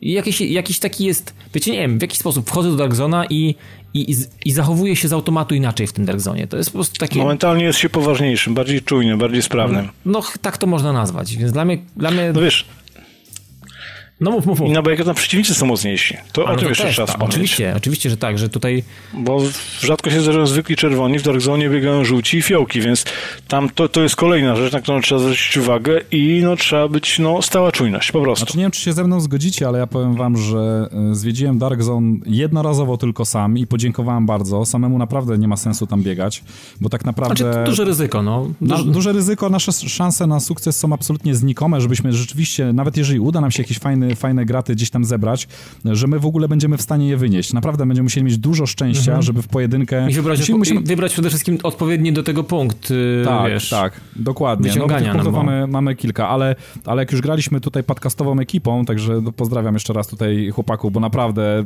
gra z wami to było niesamowite przeżycie no, za każdym razem i, e, i te naprawdę emocje, kiedy już e, e, czy to walczymy z przeciwnikami generowanymi przez komputer, czy to przez inny team, no to czterech, e, czterech, czterech takich e, ludzi zgranych w teamie to jest coś niesamowitego, gdzie jest komunikacja, gdzie jest taktyka, gdzie, e, gdzie naprawdę możemy wynosić tony dobrych gratów grając w dobrym teamie, także to jest nie- niesamowita sprawa. No my dzisiaj, my dzisiaj biegaliśmy też trójeczką sobie taką, ale to już, jak już człowiek gra ze sobą jakiś czas, to też jest trochę inaczej. To, ten, to doświadczenie i takie, wiesz, poleganie na, na sobie już troszeczkę jest na, na wyższym poziomie. Już wiadomo, kto co zrobi, wiadomo, gdzie kto pójdzie, czasami nawet porozumiewamy się bez Tak, słów. tak, więc to, To jest super. to jest bardzo fajne, że tutaj dobry team może być nawet o jedną sztukę mniej w teamie, ale jak jest zgrany i, i zna się dobrze, to poradzi sobie naprawdę w nawet najbardziej hardkorowych y, sytuacjach. No powiem wam, że tak, dla mnie Dark Zone osobiście mm, jeszcze raz powiem, to sprzedał mi grę i, i czekam aż skończę w ogóle wątek fabularny i pozamykam te rzeczy, które gdzieś tam są do zamknięcia i myślę, że Dark Zone to będzie... Jed... No będziemy, będziemy biegać, biegać myślę, że to będzie jedyna taka bardziej sensowna aktywność, która czeka po endgame'ie tak naprawdę. No. Ale co, tak panowie, generalnie podsumowując, to trzeba przyznać chyba dużo świeżości, co? Mimo wszystko. Mimo, oj, tak, takie, tak, oj tak. Że, mimo, że dużo ogranych patentów y, y, gdzieś może zapożyczonych z jakichś innych y, wcześniejszych produkcji Ubisoftu, to jednak no, świeżość wali z każdego kąta i ja się tak zastanawiam, wiecie co, gdybyście tak y, mieli y, powiedzieć, y, co wam się w The Division nie podoba, znaleźć chociaż jedną rzecz i ja, znaczy ja taką jedną rzecz mógłbym znaleźć. co, mi się nie podoba, co mi się nie podoba w The Division? No. Ja może powiem jako pierwszy, ok? No, no mów, Jedna, jedną rzecz, o którą musiałbym się przyczepić, to mm, no, w związku z tym, że jest to specyfika gry poniekąd, ale myślę, że mogli jedną rzecz rozwiązać troszeczkę inaczej, czyli Stay Always Online. To jest troszeczkę dupa, co prawda działa to świetnie i tak jak mówiliśmy na samym początku rozmowy, nie zdarzają się jakieś przerwy, ale mimo wszystko zdarzyło mi się już na przykład raski, gdzie no, mam bardzo wielką ochotę zagrać w tą grę, odpalam i nagle dowiaduję się, że jakiś e, Mike wyśmiewany u nas na grupie mm -hmm. nie pozwala mi tego zrobić. Mm -hmm. I e, uważam, że powinni e, dodać takie rozwiązanie, e, które pozwalałoby przynajmniej w singlu samemu odpalić sobie, e, czekając na, na powiedzmy na jakąś pełną funkcjonalność e, serwerów grę. I to by było fajne. I to jest chyba tak naprawdę jedyna rzecz, która i tak mówię, jest to tak na tyle dobrze zrobione wszystko i na tyle sprawnie działa większość czasu, że, że, że nie przeszkadza mi aż tak bardzo, ale gdybym, mówię, miał o jedną rzecz się doczepić, to chyba tylko o to. To ja się doczepię o to, że nie możemy handlować zabawkami. To jest jedyny ale, taki, taki zarzut. Ale to będzie, Dawid. Ja wiem, ale, ale, na chwilę to, to nie ma i tego mi trochę brakuje, bo można by było naprawdę wewnątrz własnego teamu naprawdę bardzo szybko i fajnie się dozbroić w konkretne zabawki. No tak, tak. Oczywiście. Ja z kolei czepiłbym się zarządzania przedmiotami, bo na przykład jeżeli przychodzę z Dark Zone'a, ale tu czepiam się troszkę na siłę i mam powiedzmy w skrzynce 20 przedmiotów, na każdy jeden muszę kliknąć. Tak. Klik, klik, klik. Czy tak samo jak robiłem, jak dzisiaj przetwarzałem sobie y, weapon parts z zielonych na niebieskie.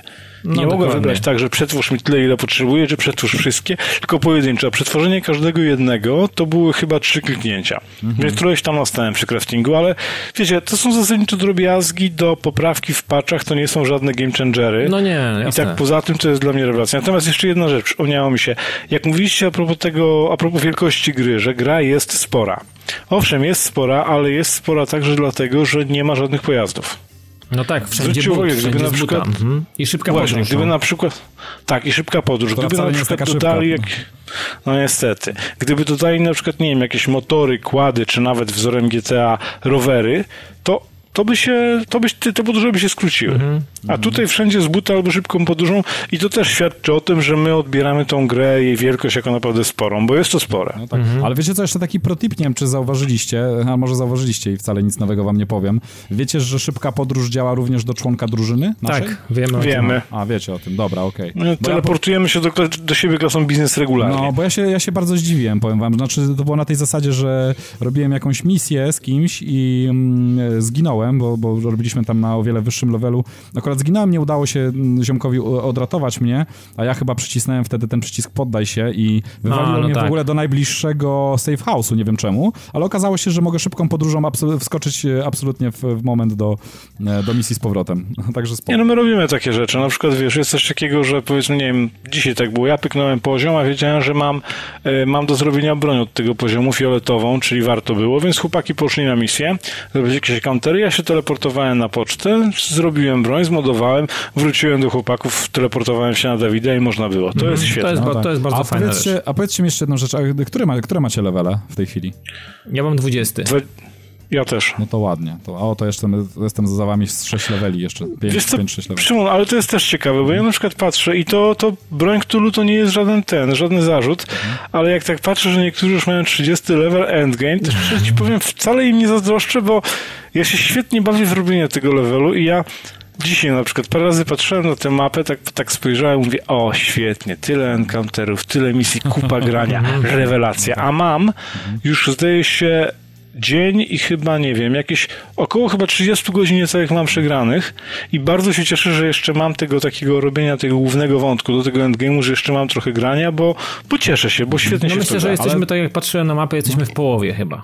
Ale słuchajcie, właśnie, bo bo z tym się wiąże jeszcze jedno pytanie takie. Uważacie, że dobrze jest zbalansowana prędkość progresu e, naszego postaci? Wydaje mi się, że jest okej. Ja tutaj Nie mam nie uwag. czuję, żebym gdzieś coś miał jakieś braki, albo był na, na hama gdzieś tam trochę ciągnięty za majtki w dół. Nie czuję takiego czegoś. Znaczy, może tak, ja w okolicach 14-15 levelu e, miałem, wydawało mi się, że jak robię te wszystkie encountery, te wszystkie side missions i tak dalej, to miałem wrażenie, że trochę zbyt wolno mi to idzie. Ale jak zaczęliśmy grać z ekipą, jak zaczęliśmy robić to razem, jak zaczęły wchodzić te e, punkty doświadczenia za zrobienie wszystkich misji w, okoli, w okolicach no określonego tam wiesz, potrafi być po 30-40 patoli, No nie? tak, tak, tak. No. Wiesz co, jak zaczęliśmy grać razem, to mi po prostu ta prędkość ekspienia ruszyła tak z kopyta. Ja nie wiem, to jest bardzo subiektywne, ja się mogę mylić, ale jak gramy razem, ja mam wrażenie, że leveluję szybciej. No Ale wiesz. to, to co panowie, tak generalnie potem podsumowując, e, e, mówię te wszystkie aspekty, o których dzisiaj mówimy. E, jak myślicie, to jest od bardzo dawna taka gra Ubisoftu bliska ideału? Znaczy, ja powiem tak, Ubisoft ma, jest na fali, na tej dobrej fali według mnie. Primal według Tak. mnie bardzo udana gra, a Division jestem oczarowany tak naprawdę. To jest, to Poczekaj, jest... jeszcze jak jesteśmy przy Ubisoftie, nie można zapomnieć, przepraszam, że szedłem słowo, o Rainbow Six Siege. To jest taka niespodzianka, to jest taka gra, która, która Ubisoftowi wyszła tak dobrze, że oni chyba są sami zaskoczeni. Ja patrzę, mam wśród znajomych sporą ekipę, która do premiery The Division grywała tylko w to. Tylko w to, tak jak ja w czołgi swego czasu. Wchodziłem, ja po prostu jak wchodziłem, uruchamiałem konsolę, ja po prostu wiedziałem, że pewne osoby, pewnie znajomi będą grali w szóstkę. Także Ubisoft jest naprawdę na fali wnoszącej. Tak samo jak Assassin's Creed Syndicate. Też jest świetnym asesinem. No widzisz. Naprawdę prawie to tak ciekawe, jak no. dwójka. No. Są chłopaki na fali wznoszącej i dziewczyny też. Także no szacuneczek wielki. No ja, ja uważam, że, że jeżeli chodzi o The Division, to jest w, w zupełności jestem zadowolony i, według mnie Ubisoft dowiózł, mimo tego, że wiadomo, te drzwiczki od samochodu, te przebijane opony w kołach i tak dalej, natomiast jest takie małe mrugnięcie Ubisoftu do, okiem do, do graczy, że jak przytulimy się do pierwszego lepszego samochodu, jak odpalimy grę i zamkniemy drzwi, to wpada achievement. tak, tak, tak, jest, jest. No. Więc to jest takie, kurczę, takie miłe. Oni, oni dobrze wiedzą, że pokazali te drzwi i teraz tego nie ma, więc o, wiecie, no ale Znaczy nie, no one, one się zdarzają, ale bardzo rzadko. one się zamykają, ale no to nie tak się zamykają, no i tak. Wiecie co wam powiem? Ja to się, ja to czekam, tak? Czekam na jedną rzecz, aż będzie jakaś misja, w której trzeba będzie wchodzić na wieżę. Gwarantuję wam, że wchodząc na tą wieżę, my wszyscy pospadamy ze śmiechu. No, no, po prostu. może być. Ale wiesz, są linki, po których się wspinasz, więc jakiś tam element jest, nie? Jakby nie patrzeć. No tak, ale wiesz, ale wyobraź sobie, masz standardową jakąś tam wieżę w Nowym Jorku i musisz wejść na wieżę, przecież to byłoby takie mrugnięcie tak, okiem, że być anteny na przykład, nie? Albo jakieś satelitarne. na Tak, wiesz, no bo po dachach się No chodzi, chodzi się, no, chodzi się, właśnie jak anteny robisz się, tak. Ale klasycznej wieży jeszcze nie widziałem i powiem szczerze, mimo tego, że tak się śmieliśmy z Ubisoftu, że ich, ich gry to jest, prawda, kolejny ten Generic, generic Tower Climbing, Climbing Simulator, Mhm. ale tutaj chciałbym coś takiego zobaczyć, po prostu jako mrugnięcie okiem, jako, jako żart. No, no tak, tak. Myślę, no, że, to by było dobre. myślę, że nikt nie miałby im za złe tego. No dobra, panowie, no to takie, można powiedzieć, w sumie biorąc pod uwagę to, jak, jakie The Division jest, jakie jest duże, ile oferuje, ile trzeba będzie czasu spędzić, żeby w ogóle móc powiedzieć, że zna się grę, to myślę, że tak naprawdę to takie nasze, można powiedzieć, wstępne, takie pierwsze wrażenia i plus to, co go- graliśmy w becie, plus teraz te kilkadziesiąt godzin, które gdzieś tam mamy już nabite, mm, jeszcze nie powoduje tego, że jesteśmy znawcami tej gry. Ja myślę, że jeszcze przyjdzie nam mówić o grze, czy przy jakimś rozszerzeniu, czy przy, jakimś, przy jakiejś aktualizacji. No jeszcze myślę, że endgame, będzie- po, endgame po drodze. Tak, myślę, że jeszcze endgame po drodze. Myślę, że przyjdzie nam jeszcze wrócić do Division nie raz. Eee, i, I myślę, że chyba, chyba na, na tyle, na, na, na dzisiaj to chyba to jest maks, co możemy powiedzieć. Znaczy jest pewnie masa jeszcze dookoła różnych smaczków, które gdzieś tam pewnie nam chodzą po głowie mm, i jest tych drobiazgów, które, tak jak powiedzieliśmy na początku, kreują to wszystko, to, to całe dobro, Ja- które jest w tej, w tej grze. Ale Ja myślę, że będziemy do niej wracać jeszcze spokojnie. Ja A dzisiaj... propos endgame'u, No ja no, tylko powiem jedną rzecz. Ja, ja dzisiaj ciekawą opinię wi- widziałem w internecie a propos The Division, bo e, ktoś tam się wypowiedział, że The Division jest tym, czym tak naprawdę bardzo chciało się stać Destiny, a jemu się nie udało. Dobre, no, ładnie powiedziane. To w ogóle według zgodził. mnie w ogóle jest krzywdzące y, zarówno jedną i drugą grę, zestawianie tej gry jedna, jedną, jednej obok drugiej, to są zupełnie inne rzeczy. Nie zestawiałbym tych gier znaczy, nigdy, nigdy razem. Nie przyszłoby mi nawet to do głowy. Znaczy, ja zacząłem się zastanawiać nad czymś takim właśnie na potrzeby tego podcastu, ale stwierdziłem, że to nie ma sensu, bo byłoby to długie i po prostu zwyczajnie mm -hmm. nudne. Ja natomiast powiem, jeżeli chodzi o The Division i Endgame, pamiętajcie panowie, że e, po pierwsze, no Season Pass wiadomo, ale będzie też całe mnóstwo to może nie całe mnóstwo, przesadziłem troszkę, ale są zapowiedziane content patche, jak, które są właśnie jak w Diablo, które zupełnie za darmo, jako, jako patch dodadzą ci nowe aktywności, nowe tereny. I to jest też super. No, I między innymi mam wrażenie, że jak... Między innymi handel właśnie lutem, nie? Tak, to super Tak, jest. i podejrzewam też, że ten endgame wcale tak szybko nie, nie nastąpi, bo zgodnie ze zwyczajem takich gier podejrzewam, że level cap będzie się podnosił. Na razie mamy 30, a pewnie będzie się podnosił po to, żeby, żeby ludzie grali w to dalej. Tak samo przecież gdzieś słyszałem, obija mi się opinia, poprawcie mnie, jeżeli się mylę, że już się zaczyna coś takiego jak dzienne misje. No widzisz. Ktoś nawet gdzieś coś takiego chyba wiedział, ale tu już nie jestem pewny. Mhm. Nie no, ja myślę, że myślę, że muszą mieć plan. Zobaczcie, to są, to są lata wpakowane w produkcję, e, duże pieniądze. E, fakt, że teraz rekordowo się sprzedaje, no sprzedaje się jak szalone i w ogóle jakiś tam rekord znowu odnotowany był sprzedażowy. Natomiast no, umówmy się panowie, nie dziwi to mnie, prawda? No nie. No ja nie, też nie. nie. Też. Po... Nawet, brak, nawet brak gry na tablecie, bo tam było zapowiadali, że tu masz tablet i na tablecie jakiś dron i tak mm. dalej. Nawet brak tego mi zupełnie nie przeszkadza. No właśnie. Ja już nawet o tym tablecie zapomniałem. Ja to testowałem na targach w ogóle, co było bardzo śmieszne, że część osób mogła na stanowiskach dorwać się do, do ogrania gry, a część do, do tabletów, wspomagając właśnie innych graczy. Ale to nie, nie był specjalnie udany pomysł wam. Taka popierdółka, jak to zwykle na, na dodatk dodatkowych takich, znaczy takie dodatkowe funkcjonalności na tabletach. Czyli nie ma za czym płakać. Mogę dygresję? No nie, nie, nie. Mogę dygresję krótką. Oczywiście. E, czymś fajnym tego rodzaju był tryb Commandera w Battlefield 4. To mi się bardzo podobało i żałuję, że to zarzucili. A to jest chyba jedyny, jest chyba jedyny udany tryb taki dodatkowy. Właśnie widzisz, nie wiem czy udany, bo zarzucili nie ma to, już teraz, czym nie, bardzo boleję, ale no mówi się trudno. Mhm. I koniec dygresji. No dobra, to tyle jeżeli chodzi o The Division. Myślę, że tak jak powiedziałem, będziemy do tego wracać. E, będziemy o niej pewnie jeszcze mówić nie raz, nie dwa, nie trzy. Mm, a tak często jak to będzie konieczne. E, natomiast na koniec mamy premiery tygodnia, jak to zawsze u nas. W tym tygodniu coś, czego pewnie u nas nie zobaczycie i nie usłyszycie, bo jest premiera UFC 2. 17.03. Jak ktoś lubi w oktagonie gonić się i obijać sobie mordy, to pewnie będzie zadowolony. No na konsoli Microsoftu możecie 10 godzin już ograć w tej chwili w EA Access. Jakby ktoś był zainteresowany, chciał przetestować przed zakupem. Nie, nie Albo jestem... patrzeć na spoconych facetów. Nie jestem zainteresowany nawet tych darmowych 10 godzin, ale, ale kto co lubi. E, no i co kochani, kończymy. Fajny podcast, mam nadzieję, że, że, e, że było fajnie. E, ja nazywam się Dawid Maron, dziękujemy wam za 189 odcinek e, podcastu. Był jeszcze ze mną Wramin, kolega. Dzięki wielkie, na razie. I był jeszcze Szymon, kolega też. Trzymajcie się ciepło, cześć.